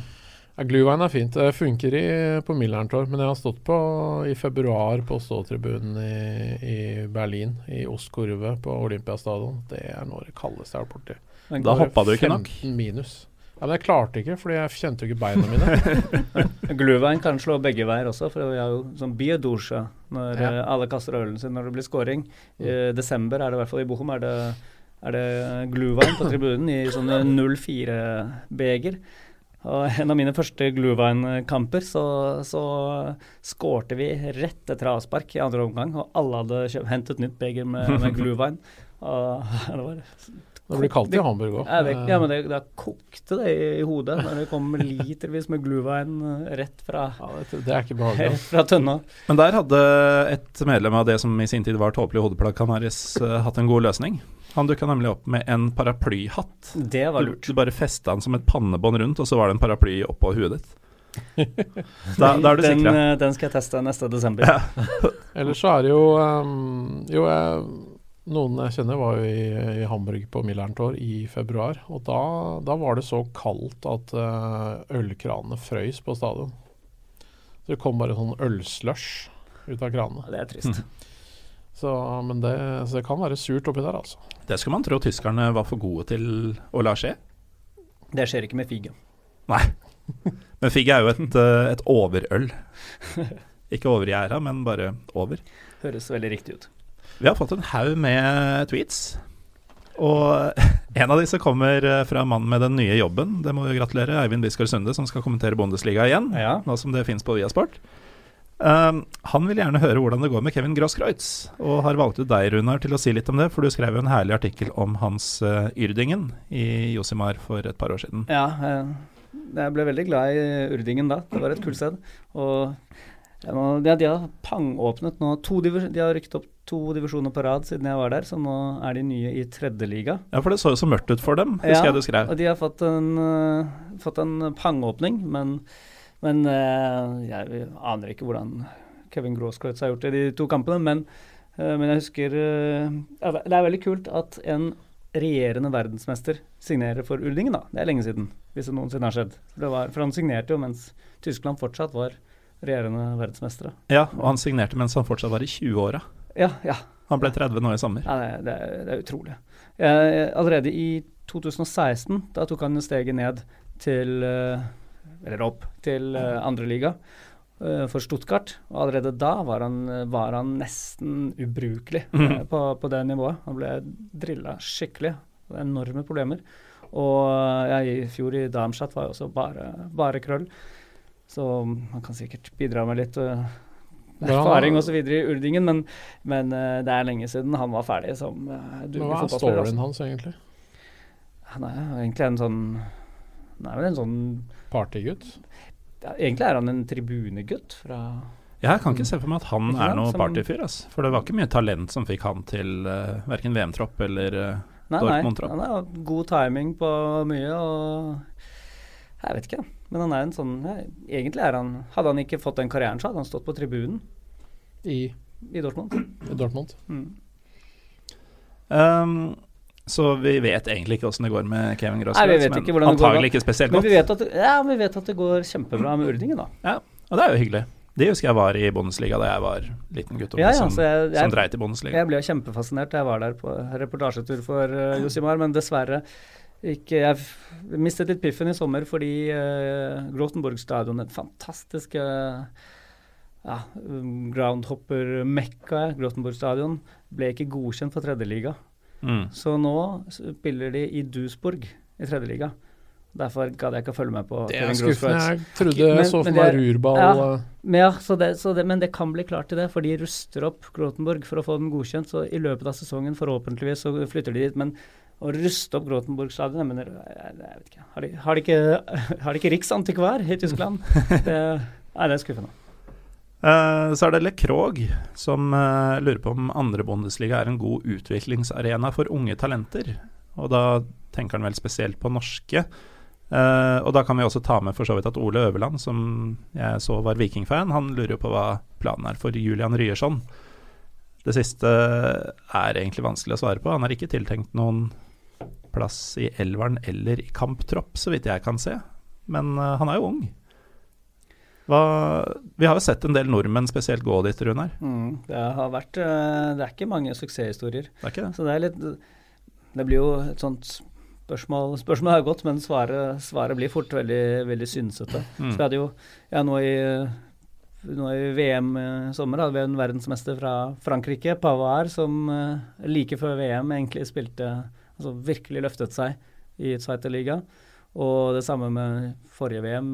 Kristoff Kramer spilte, spilte i Bochum Zweite Liga også ganske kort tid før han ble en vel, velfortjent eh, verdensmester, men men hvis man ser på historikken på de norske der i nyere tid, så er det Det er ikke mange som har hatt Er det noen som har hatt noen virkelig fruktbare karrierer etter Nei, jeg kan ikke tenke noen som liksom har tatt steget opp. så, eh, litt, men Ja. Nei, så, så um, altså, Jeg ville egentlig tenke at det er et bra sted å Det er et bra sted å utvikle seg. Du må ha rette men typen men- spiller, da.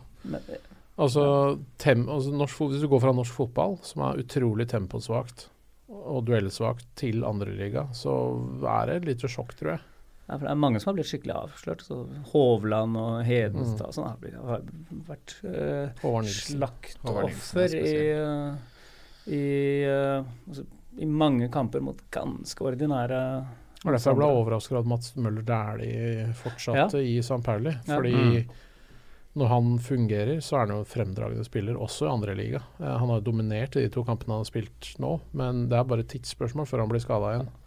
Ja, og Hovland er en av de dårligste forsvarsspillerne ble jeg har sett i Zweite Bundesliga siden jeg flyttet dit for fem Ja. år siden. Men, men, men for ikke å være så bare negativ, så vil jeg si Gustav Walsvik har vært veldig bra for, for Braunschweig. Nå rykket jo ned i fjor. Han er der fortsatt. Jeg lurer på hva som skjer der. Han er, må være ettertraktet i Zweite Liga, for han var stabilt øh, Mm. veldig, veldig bra, syns jeg. Spilte også bra da vi var og så han mot uh, Hanover. Ja, under eh, ganske hete Mm. uh, forutsetninger. Ja. Jeg tror bare bare må, Du må takle en intensitet som er mye mye høyere enn det du er vant til. Men så har du Iver Fossum, da, som ikke fikk det til i andre liga, men som fikk en del matcher etter hvert for Hanover etter opprykket. Mm. Kanskje ikke noe god reklame for andre Bundesliga som utviklingsarena, men det er jo Ja, det var et trenerskifte som skif- Mm. spilte inn nå, kanskje. Det er ikke så lett å si, egentlig. altså. Hvis du er rette typen spiller, så kan det være det. Jeg tror det har mer med det å gjøre, at du må være rette typen spiller, enn at du Fordi altså, du har jo altså, Du har jo gode spillere, og du har jo gode lag, og det er jo en, egentlig en sånn i hvert fall rimelig OK pluss-liga. Ja, og, alle, og da, nesten alle klubber har glimrende treningsfasiliteter og oppfølging på alle plan fra klubben. og det er jo, altså, Egentlig burde det ligge til rette, til Men- rette for det. Men det kan jo, altså det er, jeg tenker litt at det er mentaliteten blant en del av de spillere som går dit. da. Og så er det er det nok også litt den som, det som ligger i bakhuet på veldig mange uh, når man hører om Zweite uh, Bundesliga, at dette her er liksom, dette her er andredivisjon, da. Mm. Det er, altså, mm. folk vil dra til championship og spille for ganske dårlige klubber der, hvor du spiller ganske dårlig fotball. Men du vil ikke til andre Bundesliga, fordi at det er jo andre Det, det er jo liksom nivå to i Tyskland. Det kan umulig være noe bra. Det er ikke 10 000 nordmenn som holder med, Nei. med Heidenheim. Nei, og dermed blir det kanskje sånn at de nordmennene som velger Kanskje ikke har noe bedre å velge i enn uh, andreligaklubber. De, eh, det er rett og slett for dårlige spillere til å egentlig kunne bli noe bedre enn på det nivået. Kanskje. Kanskje. Jeg bare, jeg bare synser. Mm. Men eh, det, det det er jo kanskje litt sånn Man tenker på Tyskland som veldig sånn disiplinert, strukturert, eh, ordentlig. Uh, og så prata vi litt om det tidligere, at uh, andre Bundesliga er jo egentlig en ganske kaotisk liga, hvor ting er litt utysk, i anførselstegn. Og det blir ikke noe mindre av det av at uh, kaosklubber som HSV og Köln uh, kommer ned. Um, kan det ha noe å si? Jeg vet ikke. Jeg tror kanskje heller, heller enn at det er så Jeg tror kanskje det har mer med ja, Dere nevnte mentalitet, eh, som man kan se på som i andre sammenhenger i Tyskland òg. Alt fra skole til arbeidsliv. Det er, en, det er et annet det er en annet krav til prestasjoner, da. Eller, eller manglende forståelse for, eh, for dårlige dager og dårlige perioder. og Det er kanskje det som kan bli tøft for, for eh, nordmenn og andre som flytter dit fra en annen. Den norske kulturen er veldig snill. Mm. Og Mm. hvis du har en dårlig dag på jobb, så får du et klaps på skulderen og Hvis du kommer tilbake altså neste uke, så blir det bedre. Mens, mens det er ikke det er, du, du, Hvis du presterer dårlig på trening tre dager på rad, så så er det liksom, da har du et problem når du kommer Mm. til den fjerde. Jeg tror også en grunn til at hvis du sammenligner for med championship, da, at en, en norsk spiller kan heller lykkes der. Jeg tror selv om det er hierarkisk der også, for at liksom, du kødder ikke med treneren og, og sånt noe, så er spillergruppa tror jeg mer samla. Jeg tror spillergruppene i Tyskland kanskje er mer hierarkiske. Ja, At du har en kaptein og en sånn ledergruppe ofte, det som jeg er et veldig godt poeng. nesten ikke snakker til de nye gutta. Altså du må virkelig gjøre deg fortjent til din plass, og du får ikke noe særlig empati. Det er ingen som legger kanskje armen rundt deg eh, liksom for å hjelpe deg når det går dårlig. Da. Altså det er, det, er, eh, det er en annen prestasjonskultur Mm. som Bra for typer som Rekdal, men ikke Altså bra Han for alle dro jo dit som tenåring og dro tunnel på Stefan Effenberg på Mm. første trening, og stoppa lo han etterpå. Så, men eh, det er ikke alle som gjør det. Så er det jo litt uh, altså Nesten uansett hvor du kommer fra. Kommer du til championship, så snakker du til dels eller godt språk allerede. Eh, Lars, verken du eller jeg Jeg vet ikke åssen det er med deg, Eivind, men vi snakker ikke Jeg snakker ikke tysk. Du snakker ikke godt tysk. Jeg snakker sånn at jeg kan handle på superen og sånn. Ja, man merker jo, i hvert fall gjør jeg det, at eh, det er jo mye, mye lettere å, å få seg en venn på puben eller på stadion eller noe sånt hvis jeg er i England enn hvis jeg er i Tyskland. Um, og, og jeg syns også det har vært vanskeligere i Tyskland enn i veldig mange andre land hvor jeg heller ikke snakker språket. Uh, at det er litt sånn barriereprega. da. Nå burde jo det, Det- være fint for nordmenn. Ja, det, men, nei, det, er, det er ikke mitt inntrykk, men det tror jeg har, øh, er veldig regionalt. mm, Så, sånn er det ikke i, i Ror, i hvert fall. For meg er bare det et, av de største kultursjokkene for meg var akkurat det. Den manglende intimesfæren som, øh, altså, vi var vant til fra Oslo, da. Hvor jeg kan gå rundt og være meg selv, og ingen bryr seg. Men der, eh, i Tyskland. altså. Mens der blir Mm. man snakket til av fremmede i køen og på T-banen og overalt. Og på en veldig hyggelig i, måte, men I Bayern er det mer norsk. ja. Ja, det, Berlin tror, det også. tror jeg også, nemlig. Ja, så Ryerson kommer til å slite det der. Så, Med mindre han, eh, han har hatt tysk på skolen. Uh, så har vi to spørsmål til som også henger litt sammen, som blir mer eller mindre avsluttende, tenker jeg. Det er Uh, Vegard Håvi som lurer på hvor vanskelig det er å få tak i billetter i Tyskland. Vi kan jo ta det litt sånn generelt først. Um, det må man jo ta generelt, egentlig. Du har jo en tendens til å bli spurt om det på Twitter av de fleste, Runar? Ja, ja uh, særlig, særlig, Dortmund og mm. Schalke. Mm. Fordi det er like ved geografisk fra der, der jeg holder til. Og det er, uh, da er det vanskelig på den måten at det blir utsolgt før det går på åpent salg. så man har egentlig ikke man har egentlig ikke muligheten uh, som, som, utenforstående, uten medlemskap i klubben og sånn. Men man får det liksom til likevel? Ja, så enten altså Mange ender sikkert opp med å betale utrolig dyrt på hva det heter, via Gogo mm. og sånt. Og det, via no go? Ja, og sånn gjør sikkert mange nordmenn, rike nordmenn gladelig, men det kan man gjøre, men, men uh, hvis man tør å Hvis man tør, da, så kan man reise billettløs og regne med at det ordner seg. Sånn som du gjorde i Hannover. Ja, ikke bare jeg, da. Nei, nei, men vi, da. Men det, du reiste langt, jeg gjorde ikke det. det du, kommer, eh, du har gode sjanser hvis du, hvis du drar dit og så oppsøker du puber hvor det er fans, lokale ja. fans, og så spør du ja. f.eks. om noen har et Kjenner noen som altså sånn Hei, jeg er fra Norge. Ja. Uh, er det vet om noen som har et sesongkort de ikke skal bruke, eller et eller annet sånt noe, da får folk lyst til å hjelpe deg. Man setter ut de sosiale antennene og prøver seg litt. Ja. ellers er det, ellers er det, det litt uh, si, hardere, det, det mer forretningsmessige gatesalget uh, på, som alltid foregår på kampdag. Så, så, og det sånn der, der, jeg, har aldri, jeg, har aldri, personlig opplevd at det ikke har ordnet seg. For mye lavere priser enn via Google, men mm. etter kamp og sånn, også selvfølgelig kan det være en del overpris. Men da kan man også få tak i ståplassbilletter, til og med, som ellers kan være veldig vanskelig. For øvrig mener for meg lest, viktig for opplevelsen. Jeg mener å ha lest at San Pauli har slutta å godta billetter fra Viagogo og dette ja, greiene her ja. sånn. Så må være litt forsiktig med, med å bruke det òg. For det kan faktisk hende at du blir nekta å komme inn hvis du har eh, Men hvordan kan de gjøre det? Hvordan vet de hvilke billetter som kommer derfra? Jeg vet ikke hvordan det funker, for å være helt ærlig. Men jeg bare leste at de har noen sånne mottiltak mot det nå. For at de vil ikke ha den svartebørsgreia. Uh, den der litt lovlig svartebørs, hva du kaller det. Mm. Men til veldig mange, veldig, veldig mange kamper i Tyskland, og ja, selvfølgelig også Zweiterliga, er det bare å møte opp i luka og bare slenge 14 mm. euro i noen lag er vanskeligere enn andre. I luka. Noen lag er vanskeligere enn andre, og det er mange faktorer som spiller inn, og tabellsituasjon og sånn. Men uh, det aller meste vil man kunne fikse bare hvis man rett og slett følge med på nettsidene til klubben og ser når, kamp, når billettene slippes, og man kjøper en elektronisk billett og ferdig. Ja, for det er første bud. Sjekk nettsidene til ja, klubben ja, du skal de, se. De fleste legger mm. ut billettene sånn ca. fire uker før, uh, mm. kampstart. Og det, da, man, da, har man tatt det meste. Men selvfølgelig, de mange nordmenn som reiser, vil jo selvfølgelig på død og liv se Dortmund, eller sånn, og da blir det litt annen greie. Eller ja, Millern Tour. Uh, er jo kjempevanskelig. Mm. Eller så kan man jo starte sin norske fanklubb for laget man skal se. Uh, vet ikke om dere har vært med på selve etableringa, Lars og Eivind, men eh, hvor mye stress, uh, og nå spør jeg litt for min egen del, faktisk, uh, hvor mye jobb ligger i det? Veldig lite. Det er det? Ja, ja. For, for vårt, vårt, vedkommende så var det bare å fylle ut et, et skjema. og så måtte vi være Jeg tror vi måtte være så og så mange som underskrev mm. på at vi skulle være.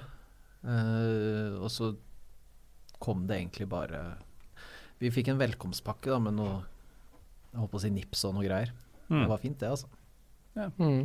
Eh, San Pauli, vi betaler eh, Altså, du har noe som heter Fanladen, eh, som er denne paraplyorganisasjonen. Som har egen, et eget kontor på stadion, som er TIFO-verksted slash pub slash eh, kontor, hvor vi henter billetter og sånt noe. Det er for øvrig et tips hvis du skal på Millern og du har skikkelig beita skal du gå inn på det kontoret som ligger på en av langsidetribunen der. Fordi det er uavhenta billetter fra utenlandske supporterklubber. Folk som f.eks. ikke kommer på fly, eller at det er et eller annet sånt som gjør at de ikke kommer som match. De reserverte billettene der på kampdag blir sluppet før kampen. Hmm. Så der er det mulig å få tak i billett. Um, vi betaler 30 euro i året for å være tilslutta. Per pers eller for hele klubben? For hele greia for å være tilslutta fanladen, og da er vi brune stjerne Norvegen. Og så Det er jo veldig rift da, å få blitt på St. Pauli, så vi Vi sender inn en uh, liste med hvor mange billetter vi vil ha til hver kamp. Sånn som til Køllen så ville vi ha tre. Uh, og da fikk vi tre, men det hender liksom hvis vi ber om sju, så kanskje vi får fem. Mm. Altså, for det kommer an på, ikke sant. Det, noen kamper er mer ønska enn andre. Får, dere velge seksjon, eller ønske seksjon selv, eller blir man bare Nei, plassert det er stort sett da sudkurve eh, ved okay. siden av Ultra San Pauli Ja. eh, på ståtribunen Mm. der. 13 euro 50 cent betaler jeg for det. Um, der er det er bra stemning. Det er, det er egentlig litt morsomt å være der, for der er det ofte mange av de utenlandske supporterklubbene kommer. da, Så da har du som regel mye briter og, og mye folk fra Altså du får jo folk fra USA og sånn, som, som flyr til Hamburg for å se St. Pauli. Um, det er jo supporterklubber i New York, overalt. Så um, det er der du havner, stort sett. Men der er det bra stemning. Altså, det er jo den ultra der hvor Ultra San Paulus står. Eh, så er det kanskje ikke, selv om det hørtes mye lettere ut enn jeg frykta, så mm, er det kanskje ikke noe man gjør for å dra på en tilfeldig valgt uh, kamp i Tyskland. En, en som skal på muligens en tilfeldig valgt kamp i Tyskland, er Alexander Freberg. Han sier han har billetter til uh, HSV Heidenheim om en måned, og vil gjerne ha noen reisetips. Og tenker at uh, Lars og Eivind, henholdsvis om byen og eh, kampen, kan ta det i et minutts tid, så skal jeg bare lette litt på blæra mi. Jeg kjenner jo Alexander Freberg, faktisk. Ja, hva skal vi si? Det er jo, altså, jeg syns Hamburg er en fin by. Det er, eh, det er jo en Det er mye å gjøre der hvis du har lyst av, Nå veit jo ikke jeg hvem, hvordan de skal reise, eller hvem de skal reise med, og sånt, men det er liksom Vi kan bare si det. Det er lett å reise til Hamburg. Ja. SAS, Norwegian, uh, Germanwings inntil nylig, men Ja. de kansellerte billetten på meg, så jeg må ta Ja. Kiel-ferja. Jeg vil bare ta, ta arrestere deg litt der. Mm. Uh, til eh, matchen mot, uh, mot eh, St. Pauli. Så den går jo da søndag klokka 13.30. Siste fly hjem fra, eh, fra Hamburg på, på søndag går 15.20. Så det, det, den er litt vanskelig. Ja. Eh, så når du da begynner å få barn og litt sånt, så er tida må jo planlegges litt. Så vi drar eh, lørdag. Lørdag går det ikke fly fra Oslo til Hamburg direkte. Så jeg flyr via Helsinki. Hmm. Der fikk jeg en ålreit uh, pris, mens uh, Ingo og Lars da flyr via eh, København litt seinere på dagen. Og så drar vi hjem da mandag. Aller helst så skulle vi hatt fredag til, fredag til mandag, men det, det går ikke. Så det er litt Mm. sånn der De der uh, kampene starter på et litt sånn ugunstig tidspunkt noen ganger. Ja. Så, men det er sånn man Andre liga er jo helt havoc når det gjelder kamptidspunkter. ja, ja. Så det, så det der, der men, øh, men det er mye Uansett om du reiser med barn, eller om du reiser aleine, eller om du reiser med kompiser, så er det mye, mye å gjøre i, i Hamburg. Eh, det aller meste, i hvert fall fordel, dreide seg rundt eh, øl og mat og fotball. Mm. Jeg har skrevet ned noen ting her, for jeg tok noe fra huet. Så jeg sj- sjekket litt om jeg har gjort en del av tinka også. Eh, Hamburgs største turistattraksjon er miniatyrwunderland. Det er faktisk jævlig kult. Eh, det er eh, Hvis dere tenker dere en modelljernbane, bare at den fyller ca. tre sten- og strømetasjer. Eh, den er helt gigantisk, eh, og det er eh, utrolig håndverk. Det, det, det, er, Hamburgs største turistattraksjon. Jeg ser folk smiler, for det høres jævlig barnslig ut. Og jeg har prøvd å anbefale folk det, og de bare høres rart ut. Jeg, må, altså, altså, jeg merker allerede nå at jeg har lyst til å gå og se det. Ja, det er så jeg er, øh, jeg, jeg er klar. De har ansatt folk for å styre togene i en sånn derre togstyreterminalgreie det, Det høres ikke dødsfett ut. Det er faktisk jævlig kult. Eh, Det- er gjør. Kjempeimponerende. Det høres jo kjempefett ut, men altså nå, har, i dag har jeg vært og sett på Forsvarets flysamling og spilt rollespill, så hvem er det jeg liksom Jeg kan liksom ikke uttale meg om sånt noe uten å bli Ja. Men som sagt, det er Hamburgs største turistattraksjon. Jeg mener det er, det er god familieunderholdning. Eh, for Jeg lærer også å være å kommentere. Ja, greit. Eh, du har um, et bilmuseum like ved Miniatyrwonderland. Dette er nede i Hafen City, som det heter. Uh, der er det et automuseum-prototyp som viser fram uh, racerbiler, prototyper, sjeldne biler. Jeg hadde en Porsche-samling der jeg var det sist, som var veldig imponerende. Eh, det er en liten bydel som heter uh, Sternschanze som ligger eh, Den er ikke så langt fra St. Pauli-området? Nei, det er formelt sett i Altona, men det er eh, akkurat sånn altså det, det, er, det, er, i gangavstand fra Millerntor. Mm. Der er det drikking? Der er det. Det er, det er uh, litt sånn Berlin-feeling. Det er uh, litt trær og litt gatekafeer og sånt noe. Litt sånn hipster-platesjapper og, og, sånn. Og så er det barer og kafeer og, sånn. Og så har du et, et bryggeri som heter Ratzhern som er et mikrobryggeri med et serveringssted som heter Altes Mädchen, som er veldig, veldig bra. Um, du har også et svært tivoli ved siden av Millerntor, som heter Hamburger Dome, som er der en par ganger i året, vel. Som er veldig, veldig populært. Um, du har et veldig bra maritimt museum, for det er tross alt en sjøfartsby. Uh, svær dyrepark. Du har Elbfilharmoni. Ja, det ser du. Ja. Ja, Testa noe. Ja.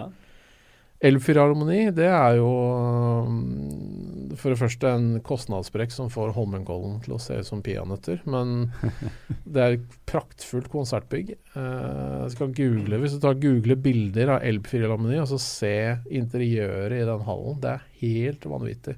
Det bygget det er nede ved, ved havna, det også. Havet der. Uh, hvis du er Beatles-fan, så har du jo sånne Beatles-tours uh, og sånn der, fordi Beatles uh, begynte jo på en måte i Hamburg.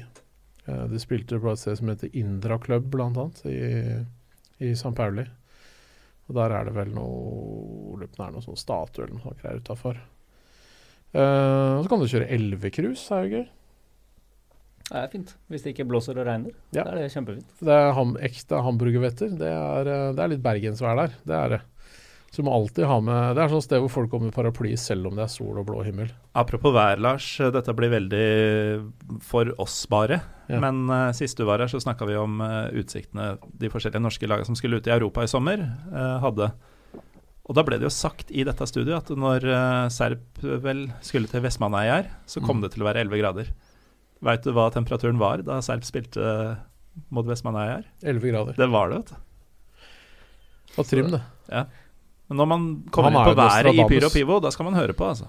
Ja, vi er rå på værmelding. Ja. Uh, en siste ting som jeg kan nevne, som også er litt uh, morsomt hvis du er litt nerd, det er noe som heter Alter Elbtunnel. Den går fra Landungsbrykket i St. Pauli, nede ved havna der. Uh, gammel, gammel tunnel fra 1911 som er lagt under elva. Og da Den er fortsatt i drift. Uh, og da, da, går du inn i et sånt slags sånt tårn, ser ut som egentlig en sånn slags silo, nærmest, på havna. Inn i en heis som er eldgammel, med en mann som, uh, i uniform som styrer heisen og greier. Og så blir du firt i heisen ned til bånn, og så kan du gå gjennom denne tunnelen, som er flislagt og veldig vakker. Så kommer du over til andre siden, og så har du sånn utsiktspunkt, så du ser liksom skyline på Hamburg på andre sida. Mm. Det er litt kult. Samburg er uh, et sted man kan se ting og gjøre ting annet enn å se på fotball. Uh. Det er et sted man kan gjøre ting. Altså, det, er ikke, det er ikke en sånn flott by sånn som Paris, liksom. Og det er ikke en hipsterby som Berlin, det er en annen type by. Det er en veldig rik by, mye business der. Det er jo um, Flest, ja, De har de fleste millionærene i Tyskland. Ja, det tror jeg på. For det, det, er ikke bare havna. altså Hafen er jo gigantisk, men du har jo også De har jo en, egen, de har en børs i Hamburg. Uh, stor banksektor. Uh, Airbus bygger jo fly i Hamburg. Uh, masse forleggere. F.eks. Der Spiegel og DeSight kommer ut der. Aksjer Springer-forlaget ligger der. Mm. Så det er en veldig veldig sånn rik businessby, da. Og så er kanskje det San Pauli-området en sånn derre motpol, nærmest, i dette her, hvor det er fortsatt ganske, ganske shabby. Mye brune kneiper og Alexander Freberg får noe å kose seg med nesten uansett hva han liker, er vel det vi kan hente ut av dette. Jeg vil også anbefale banehoppertur, så jeg kan gjøre det. Selvfølgelig kan du det. Altona 93. Uh, dette er by, Altona er bydelen som ligger vest for St. Pauli, så det er litt lenger vekk fra sentrum, men det er ikke så veldig langt egentlig. Det er ganske lett å komme seg dit. Der har du Altona 93, som uh, spiller på Adolf Jeger Kampfbahn. Er det, er det ikke der uh, alle Pauli-fansen som syns Pauli har blitt så mainstream? Ja, det er, eh, det er for de som syns. Pauli er for kommersielt. Ja. Det, det må være de hippeste menneskene i verden. Det er mer punkere. Altså det er ordentlig, ordentlig punkere. For jeg, det hender noen av de folka Brune Stjerne også drar på St. Pauli, og da drar de De, de kjenner noen folk, så, sånne punkere som har meldt seg helt ut av samfunnet, som bor på en sånn campingplass i Altona, som er sånn der Wagenplatz. Eh, og så har de en traktor med tilhenger som de da laster opp full av sånne punker og anarkister og er gærninger. Og så kjører de traktoren til stadion med politieskorte. Og drikker og hoier bak på planen og hvor lager litt mayhem i gata og sånn. Eh, og så spiller de match. Det, de er nå i, eh, i Oberliga Nord, det er vel femte nivå. Var, var det ikke De spilte regionalliga Ja, i fjor? Ja, de? De, Ah. de var en, en sesong oppe, eh, men den, den klubben er ikke helt rusta for det nivået, for å si det sånn. Men de, de møtte jo Westham faktisk i treningskamp i, i fjor sommer. Eh, spilte 3-3 foran 5000 tilskuere i treningskamp. Ja, det var litt morsomt, fordi Westham-fansen ble litt overraska når de fikk høre at eh, nei, nå skal dere til Radisklubben i Hamburg. Mm. St. Perli er snobbete. Ja. Så Det setter det litt i perspektiv, altså. Altona kan være morsomt å besøke. Um, vi hadde egentlig tenkt å avslutte, men um, det er en ting som ble en hel diskusjon på Twitter. Um, og det er Jofle som er eh, Celtic-fan. Han jo føler jo at eh, mellom Hamburg og Glasgow så er det jo en link, fordi eh, mange HSV-ere følger Rangers og St. Pauli. Uh, det samme med Celtic. Um, dette er jo veldig Lars-mat, men uh, kanskje Eivind har lyst til å begynne. Er Hamburg en hva skal vi si, høyrevridd klubb? Nei, jeg tror ikke det. Det er, uh, det er mye forskjellig eh, folk. Uh, nei, nei, altså jeg, jeg tror eh, Jeg veit jeg, vet rett og slett ikke bakgrunnen for det. Uh, hvor, det var jo spesielt den no surrender-tifoen Mm. som fylte hele, hele svingen på, mot, mot Celtic for en del år siden. Men var det Kan hende mer for å provosere enn noe annet? Ja, jeg, tror kanskje, jeg, jeg tror kanskje at det var mer for å provosere enn det var, var noe annet. At dette her var mer sånn nå skal vi liksom Nå skal vi virkelig prøve å vise fingeren til motstandernes supportere. Og det klarte vi jo for så vidt også. Men uh, jeg, jeg tror ikke det lå noe mer Lå noe større motiv bak det. Spesielt når det er såpass svær greie over hele tribunen. Ja, for det er vanskelig å se for seg at hele gjengen står inne for Ja, budskapet, annet enn at det er litt på faen. ja det er der jeg også, der jeg også er. Jeg, ikke, jeg, jeg tror ikke det lå noe sånn særlig mye mer bak enn akkurat det der. der. Lars veit kanskje mer om det enn det jeg gjør, men Jo, men altså, Hasvam er ikke høyreorientert i det hele tatt som klubb. Um, de hadde jo et problem med det på 80-tallet, sånn som mange andre tyske lag. Hvor de begynte å miste Det var da San blei Det var da. Pauli blei det det har blitt, av at det var liksom et sånt annet alternativ til eh, For at HSV hadde en ganske ille naziproblem eh, i noen år der. Um, men kan du si det, det, Jeg har gjort litt research. Uh, finne ut av, altså Rangers skal ha visstnok fått stifta en supporterklubb i Hamburg på 70-tallet. Og det menes at det var skotske gjestearbeidere som jobba i Hafen.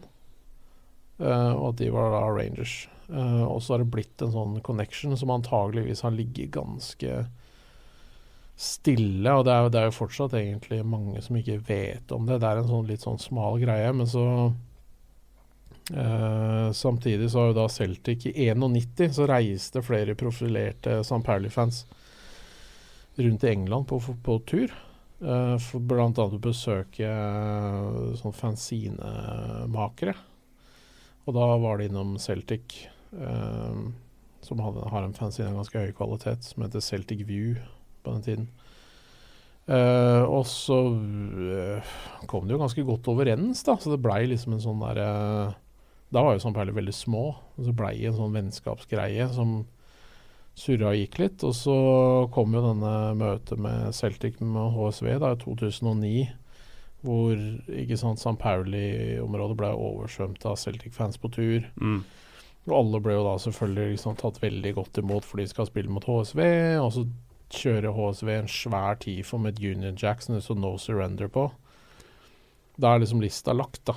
Altså, de, de traff jo hvis målet var å provosere, men det er jo ganske sjukt å tenke på at den tifoen fant sted i Tyskland. Ja, det er veldig drøyt, men jeg ser det også Jeg tolker det også som Det er en provokasjon. Som en, som, det er mot St. Pauli, egentlig, og Ja. den, eh, den eh, forbindelsen der. Og jeg, eh, jeg opplever ikke HSV og fansen der som, som eh, høyredreid. Kan Det blir det, det blir det sammenlignet med St. Pauli, selvfølgelig, men det ikke, jeg, eh, jeg opplever det ikke sånn. Kan jeg opplever fordi- heller tvert imot at HSV-fansen i mange saker også er i sterk opposisjon til egen klubb og, og som Ja.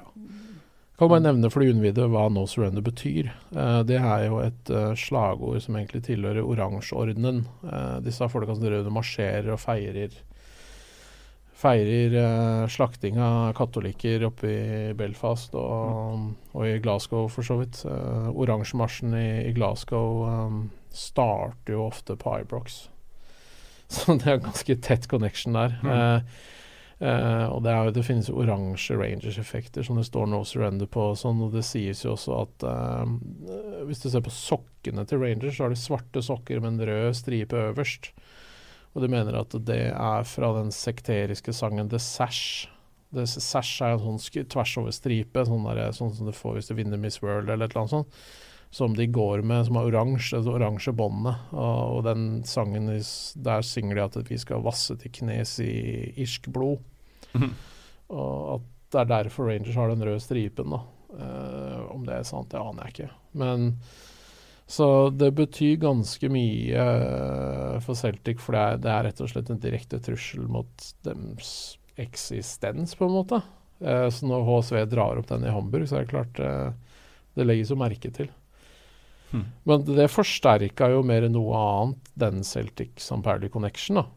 Ja, det må det ha gjort. Så nå er det jo f.eks. en årlig Celtic St. Pauli-fest i Hamburg. Um, og med musikk, med irsk musikk og sånt noe. For altså kanskje den tyske venstresiden tror jeg har en ganske sånn derre softspot for den irske kampen, da. Til å begynne med. Så det er veldig mange faktorer som ligger i bånn her, som liksom faller naturlig inn. Og så mm, på toppen av det hele så, ja, så kom dette her. Og nå, så hver eneste gang jeg er i Hamburg for å se St. Perli, så er det Celtic-folk der. Mm. Folk fra mange andre klubber òg, men fordi at det er mange sånne vennskapsklubber og grupperinger rundt omkring. Men eh, Celtic er eh, spesielt fremtredende. Ja, De har jo denne Antira-fotballturneringa også hvert år. Hvor Ja. eh, Altså, det er jo ikke grenser for hvor mange venner St. Pauli, Ultra St. Pauli i hvert fall, har rundt omkring i verden. Ja, Du ser folk og du ser stickers uh, overalt. Det er jo altså bare noen, så er det jo Det er jo flere klubber i Tyskland. Eh, det mest fremtredende er vel Schickeria-grupperinga i Bayern. eh, som er en av de mest fremtredende ultrasgrupperingene til Bayern München. De er jo på Millern Tor støtt og stadig. De er fine. De har hatt litt eh, kontakt med dere, ikke personlig, men eh, jeg har vært på, um, på bortetur mot 1860. Mm. Og, og FAFL og, og Bayern-fansen har en for meg uforståelig fra gammel tid en eller annen sånn uh, vennskapsgreie. så da var det masse uh, skikkeriafolk i, i svingen der som kom eh, som støtte. De, Jeg tror skikkeria tror jeg er et ordspill på chic, altså fancy. For det er liksom de fine Mm. folka i, fra München.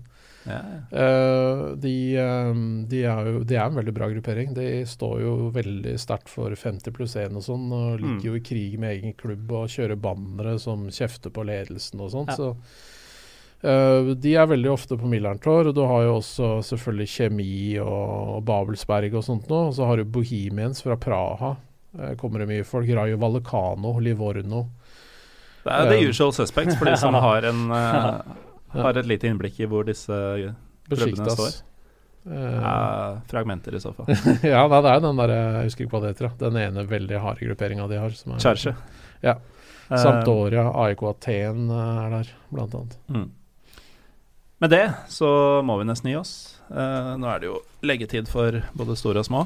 Uh, takk til ukas gjester, Skau, Skrov og Haug.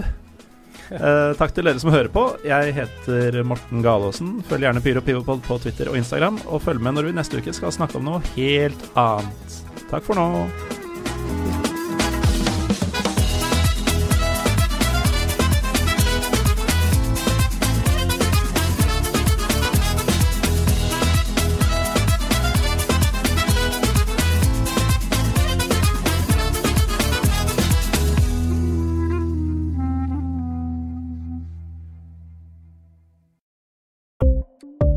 Ukens annonsør er HelloFresh.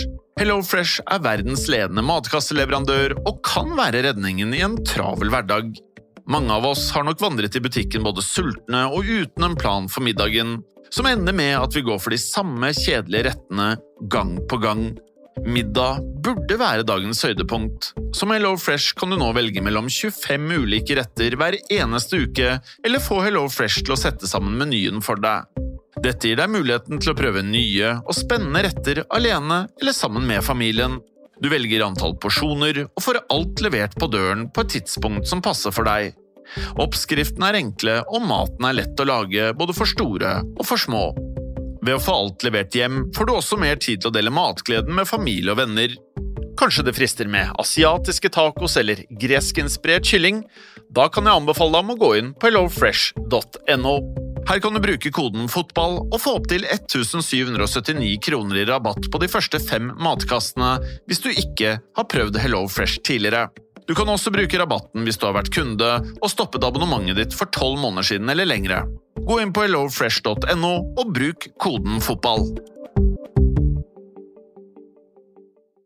Har du et enkeltpersonforetak eller en liten bedrift? Da er du sikkert lei av å høre meg snakke om hvor enkelt det er med kvitteringer og bilag i fiken, så vi eh, gir oss her, vi. Fordi vi liker enkelt. Fiken superenkelt regnskap.